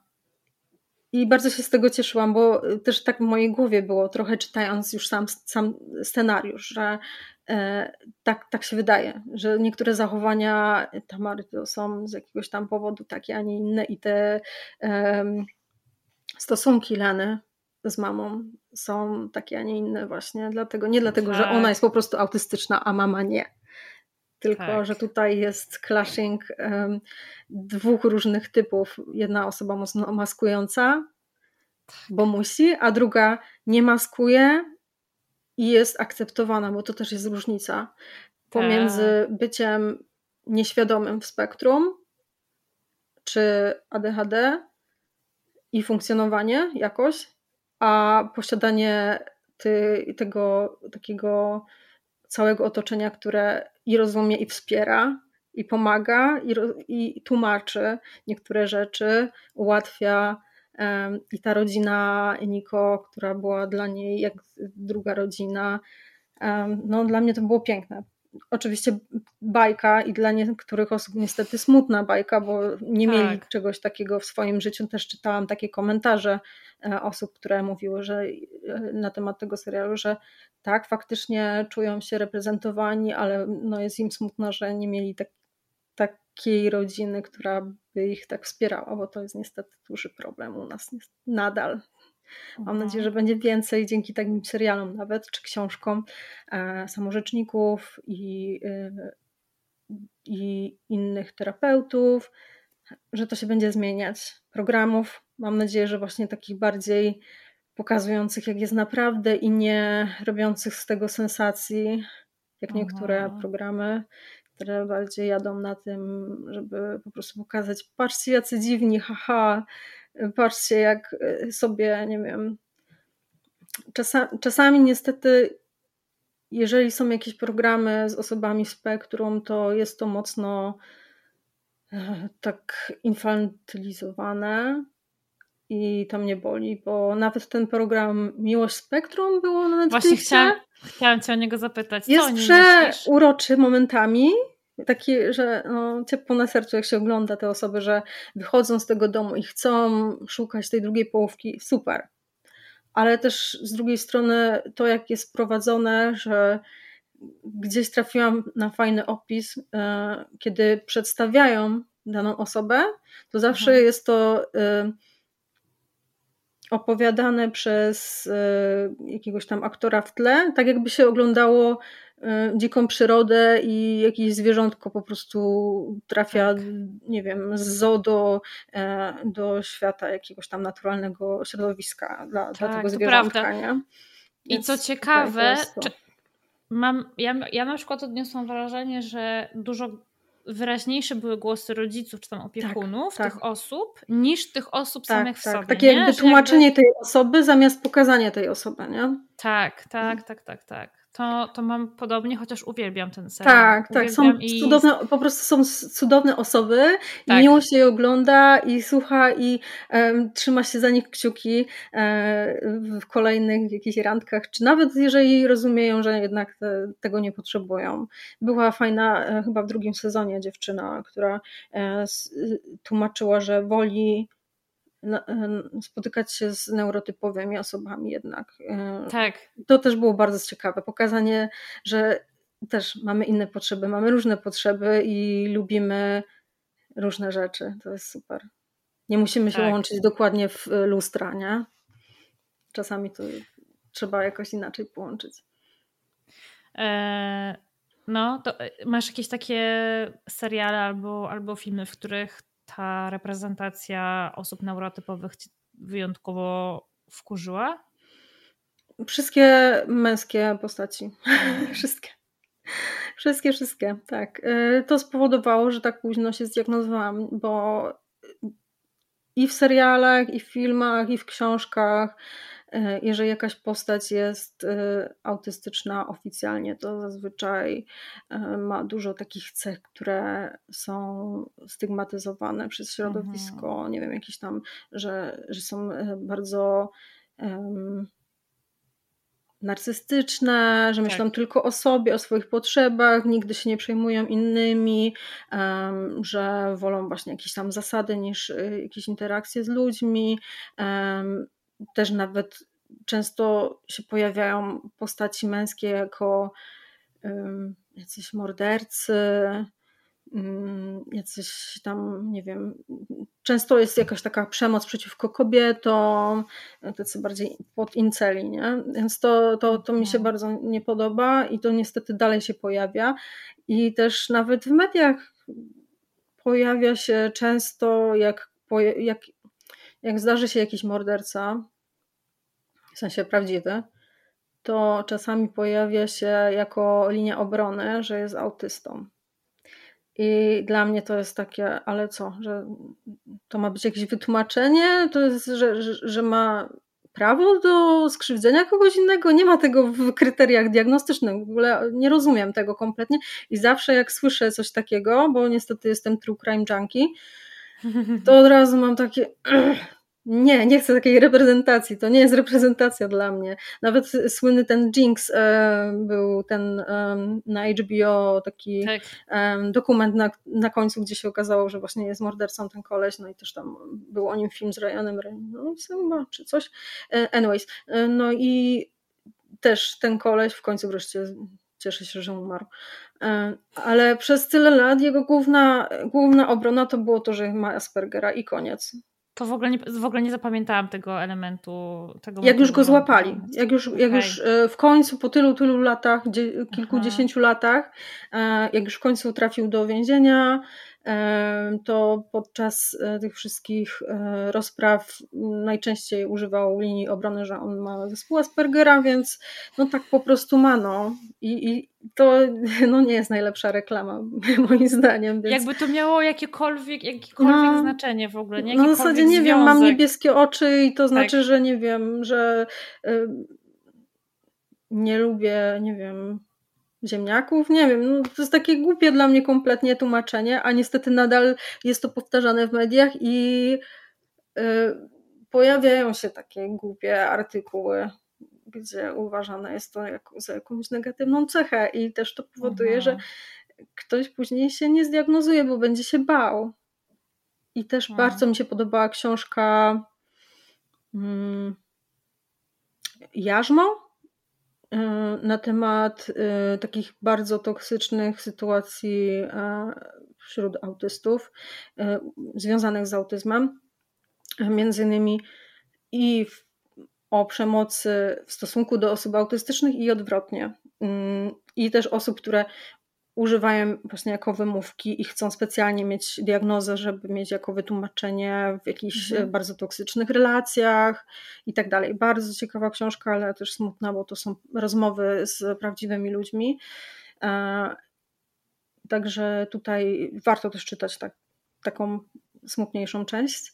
E, ale na szczęście powoli, powoli pojawiają się te, te ciekawsze. No ale tak, no dla mnie zawsze obraz autysty w głowie jeszcze dawniej Asperger, dlatego powtarzam to, bo dla mnie mhm. Asperger to są wszystkie te wcześniejsze, stare um, wzorce i też tak pokazywane w mediach, więc jeżeli używam tak. słowa Asperger, to w głowie mam e, Sheldona z Big Bang tak. Theory, czy atypowego i tak dalej, i tak dalej. Także tutaj na takiej zasadzie, czy na przykład był taki serial o małym chłopcu, który był e, geniuszem, bo też zawsze są geniuszami, co nie jest prawdą. My mamy różne IQ i mamy różne zainteresowania i Dokładnie. też chciałam dlatego pokazać i chciałam, żeby było to pokazane w serialu e, o debiutantach, bo chodziło mi o to, żeby pokazać, że nie każdy autysta jest geniuszem i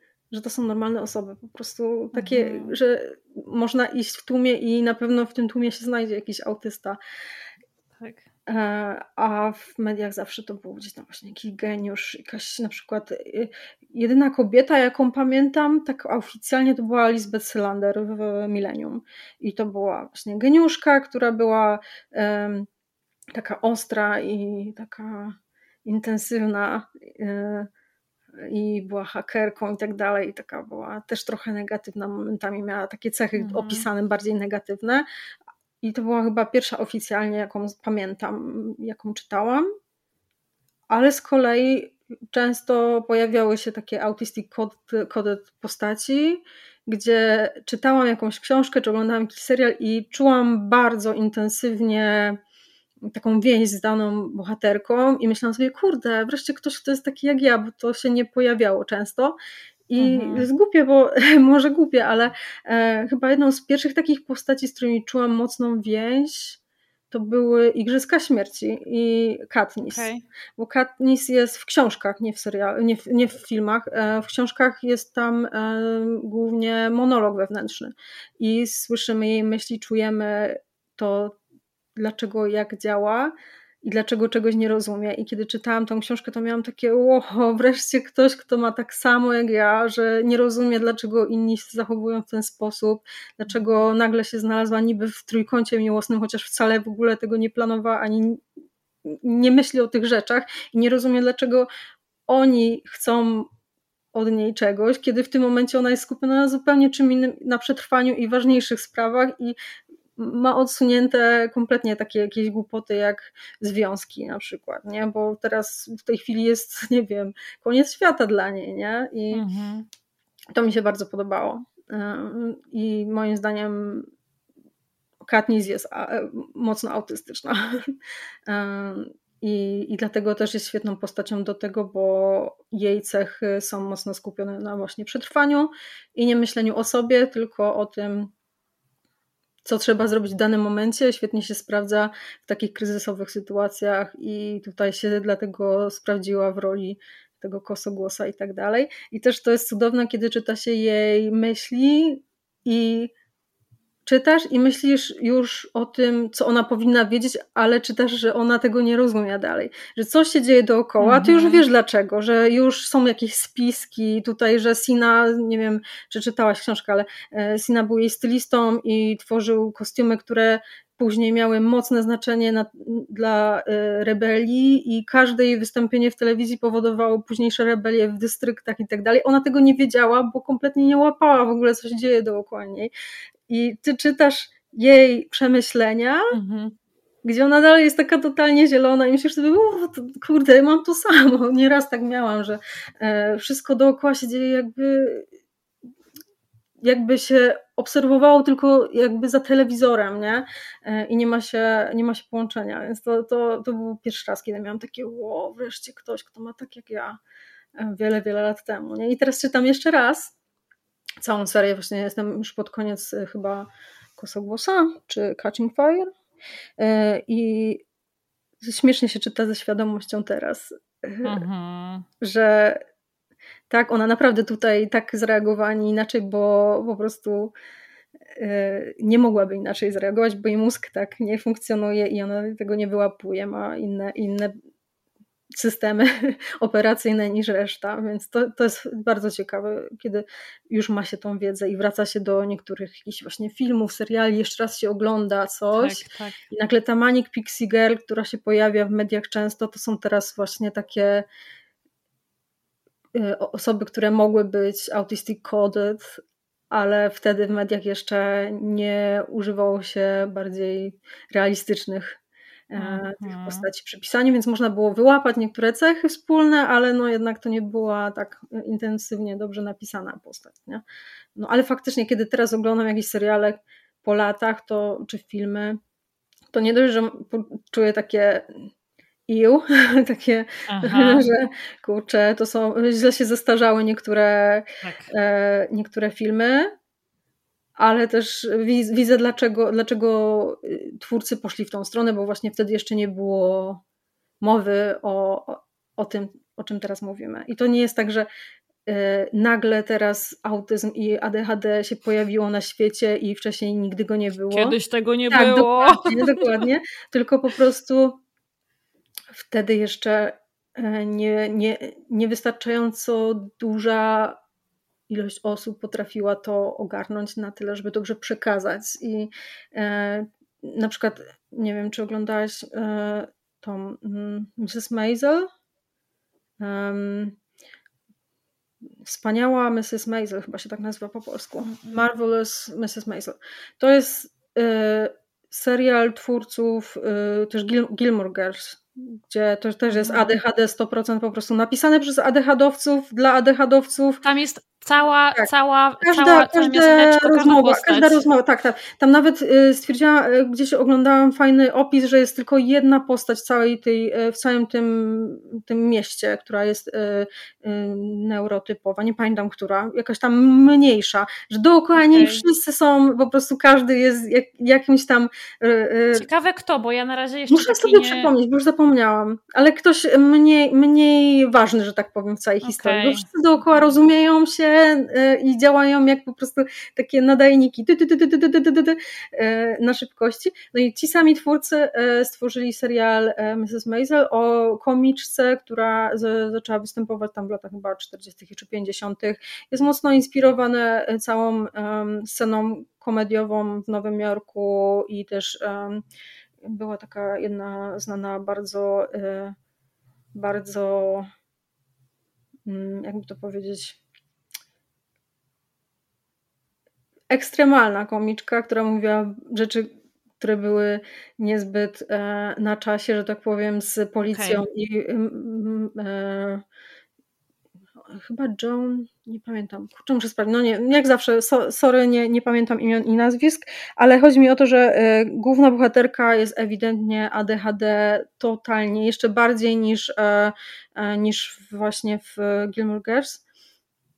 I e, jest super o tyle, że cały ten serial polega na tym, że ona tam ma różne perypetie z całą rodziną, która też jest 100%, po prostu wszyscy są w jakimś tam spektrum. Tata jest tak autystyczny, tak cudowna postać. Dla mnie najlepsze w tym serialu jest właśnie ten tata, który jest e, takim klasycznym właśnie Kiedyś to nie było takich rzeczy, więc y, ma takie zachowania, y, że codziennie robi to i to i to, nie można mu przerwać y, tej rutyny, musi zawsze o tej porze jeść to i to i będzie Aha. obrażony, jeżeli cokolwiek zrobimy inaczej, przesunie się książkę, ale oczywiście nigdy nie było autyzmu i tak dalej. Nie? I to wszystko się dzieje po wojnie w Nowym Jorku bardzo bogata rodzina, dobrze uprzywilejowana, uprzywilejowana żydowska rodzina, e, żyjąca w pięknym, e, w pięknym mieszkaniu e, właśnie w Nowym Jorku i są cudowne kostiumy, więc to też polecam pod tym względem. No i dzieje się wiele rzeczy dookoła tamtej postaci, ale co jest najważniejsze, ona przypadkiem trafia na tą scenę komediową i jej występy to nie są takie klasyczne, że haha opowiada żarciki, ma jakiś tam stały, e, stały motyw, tylko po prostu ma strumień świadomości i wjeżdża w, i robi jakiś turbo oversharing i to jest tak śmieszne, bo my mamy poczucie humoru. To, to też jest piękne, że w mediach zawsze nam wmawiano, że my nie potrafimy zrozumieć żartów, a my mamy po mhm. prostu trochę inne. I tutaj to jest, to jest świetnie pokazane, że ona po prostu opowiada o tym, co się jej przytrafiło, co ją teraz wkurza, i to jest tak zabawne, bo opowiada to w ten sposób.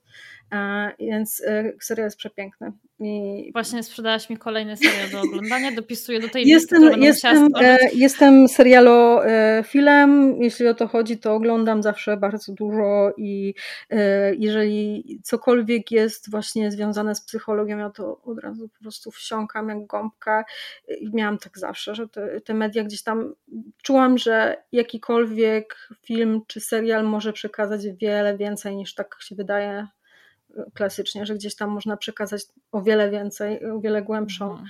E, jakąś historię niż, niż to na wierzchu. E, też to, że zawsze musiałam wyłapywać e, kolejny kontekst z rozmowy, mnie już tak jakby uwarunkowało, mam wrażenie, że już zawsze szukam gdzieś tam, że jakiś aktor spojrzał w tej scenie inaczej niż reszta, więc to musi coś tam znaczyć i rozkminiam mm. sobie później przez, przez to, że ktoś gdzieś tam dotknął palcem czegoś tam, to na pewno będzie miało znaczenie za dwa odcinki. Także tu, tu zawsze to rozkminiałam na maksa i, e, i wsiąkam jak gąbka, uwielbiam. Im więcej jest jakichś właśnie jakichś nawet takich drastycznych, smutnych czy coś tam, to tym lepiej dla mnie. No i zrobiłaś dobrą robotę konsultując właśnie twórczynię absolutnych debiutantów, bo ja ci nawet e, napisałam, że były takie momenty, że myślałam sobie, że ona za mało ma tego autyzmu, mm. że za mało to widać, że ej, mogliście, mogłyście tam bardziej pojechać, nie? A ja nawet prosiłam momentami, żeby coś wycięli, że okay. Jest zbyt intensywnie pokazane. Prosiłam, żeby i bardzo się cieszę w jednej scenie, zwłaszcza mi zależało. To jest głupia sprawa, ale po prostu ja na te szczegóły tak mocno e, zwracam uwagę i po prostu bałam się, że będzie zbyt takie in your face, nie? Że, że, mhm. że można to delikatniej i że można coś zrobić tylko w tle, nie musi być zawsze na pełnej ostrości, mhm. że wystarczy, że ona właśnie bawi się na przykład swoim naszyjnikiem, e, czy ma tangla takiego jak ja mam, tylko ona właśnie bardzo mocno dziewczyny walczyły, żeby się udało dostać, e, dostać go, bo są dosyć niedostępnym sprzętem takie ładniejsze, żeby to był właśnie też taki bardzo jej, a nie kupiony przypadkiem gdzieś tam w jakimś Tigerze czy coś, tylko taki, taki, że widać, że kupiła go kiedyś tam, że to jest jakiś tam lepszy. Mhm.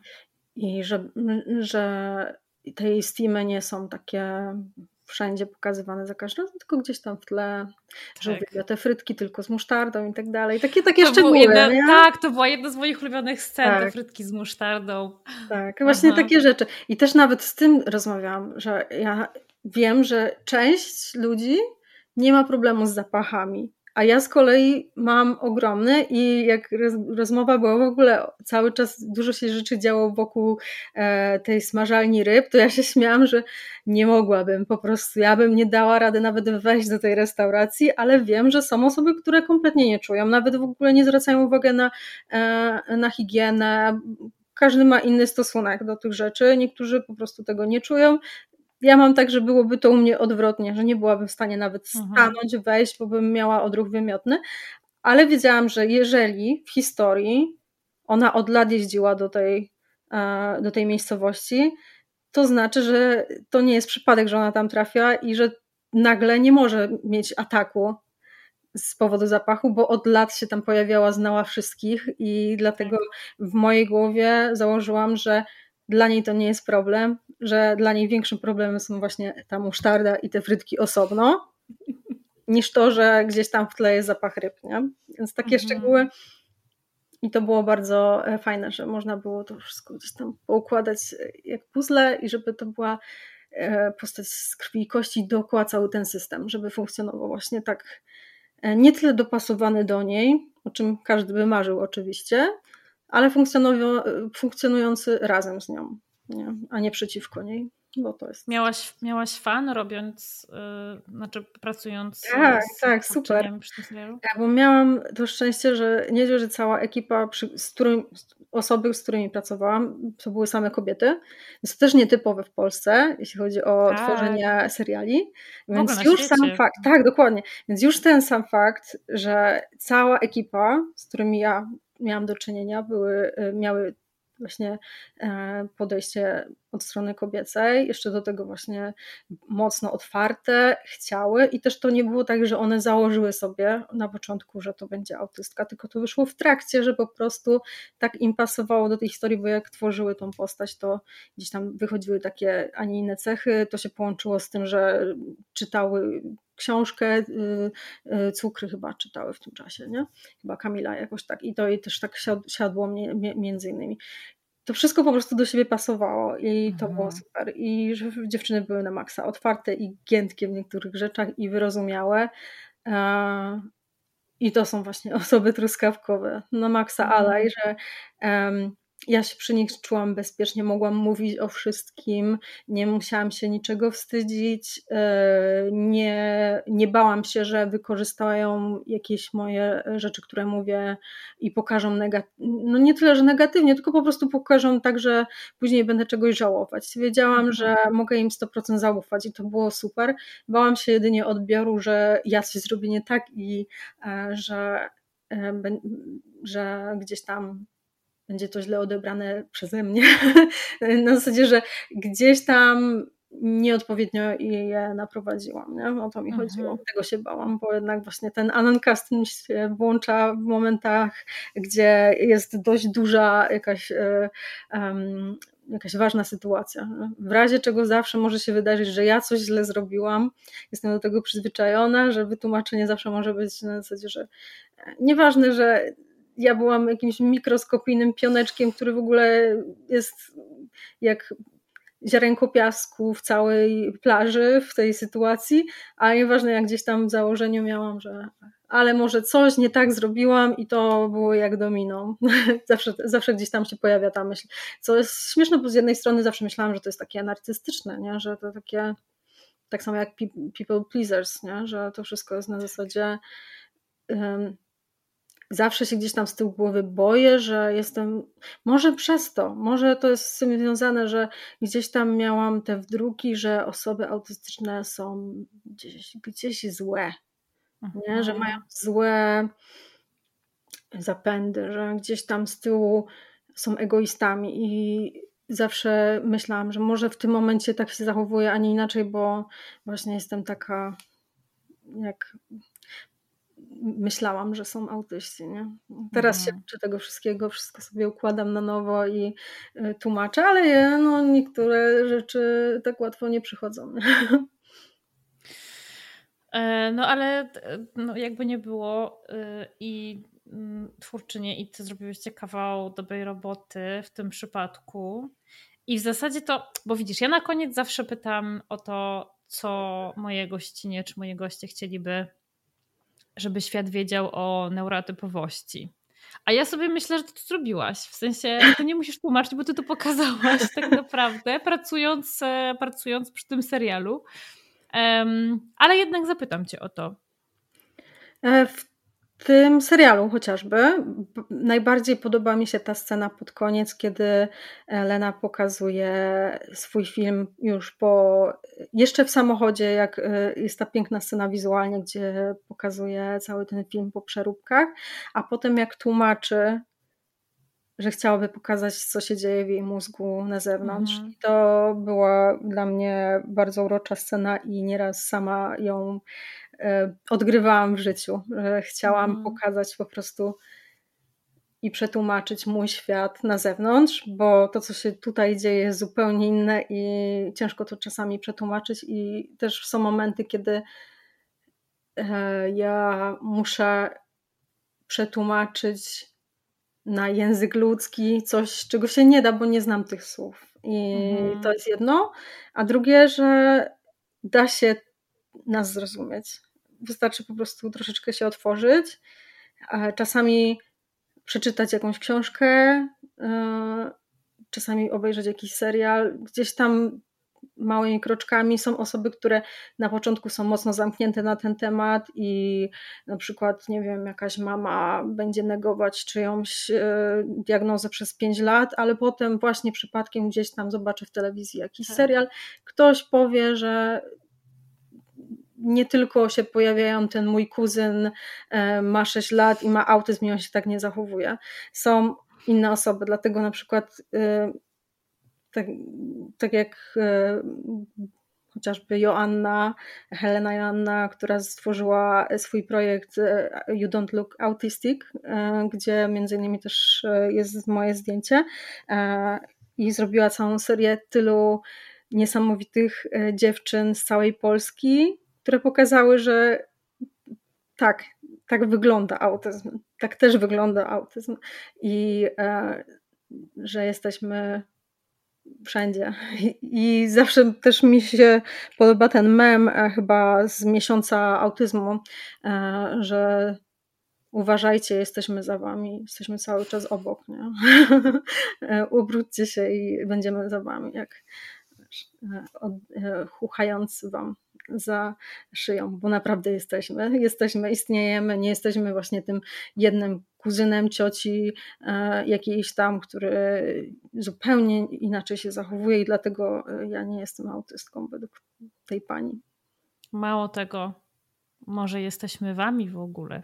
To jest to właśnie. To jest to, że czasami są osoby, które są bardzo blisko, albo w tym momencie, na tym etapie życia nie muszą się nad tym zastanawiać, bo po prostu im to nie przeszkadza na tyle, ale przypomni im się, że w danym momencie w życiu było gorzej, dlatego że może jednak po prostu było niezrozumiałe, dlatego że nie miały tego podręcznika z e, zasadami funkcjonowania w środowisku, nie? że to nie była ich mhm. wina. Więc to mam nadzieję, że im więcej nas jest, tym więcej osób będzie mogło to zobaczyć i będzie mogło odetchnąć momentami właśnie z ulgą. I nawet jeżeli nie pójdą na, na diagnozę, bo to nie jest potrzebne, nie każdemu jest potrzebne. Tak. Po prostu zastanowić się nad swoim życiem, może zmienić hobby nawet, y, cokolwiek. Rozmawiać ze znajomymi na inne tematy czy coś, albo na przykład odciąć się od osób, które ewidentnie powodują, że jest im gorzej, ale są przyzwyczajone, bo trzeba, bo muszą, bo coś tam. A nauczyć się, że w sumie nie trzeba. Można inaczej. Można spróbować coś innego, więc to jest, to jest super.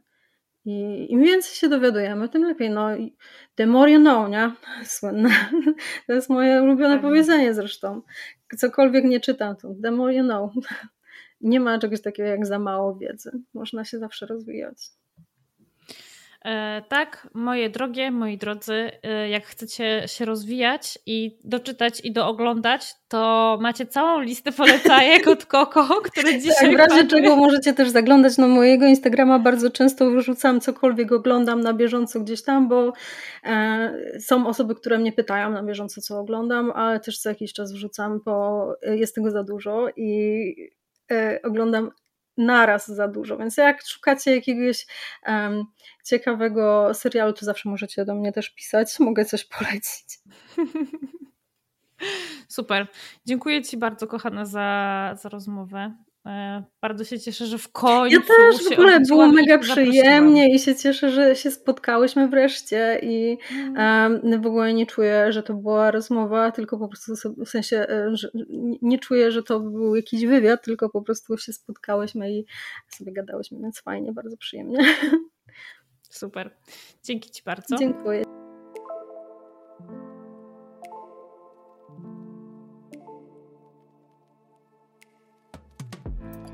Wielkie dzięki za wysłuchanie tego odcinka. I oczywiście Spotify, YouTube czy TikTok nie powinny być wyznacznikami diagnozy.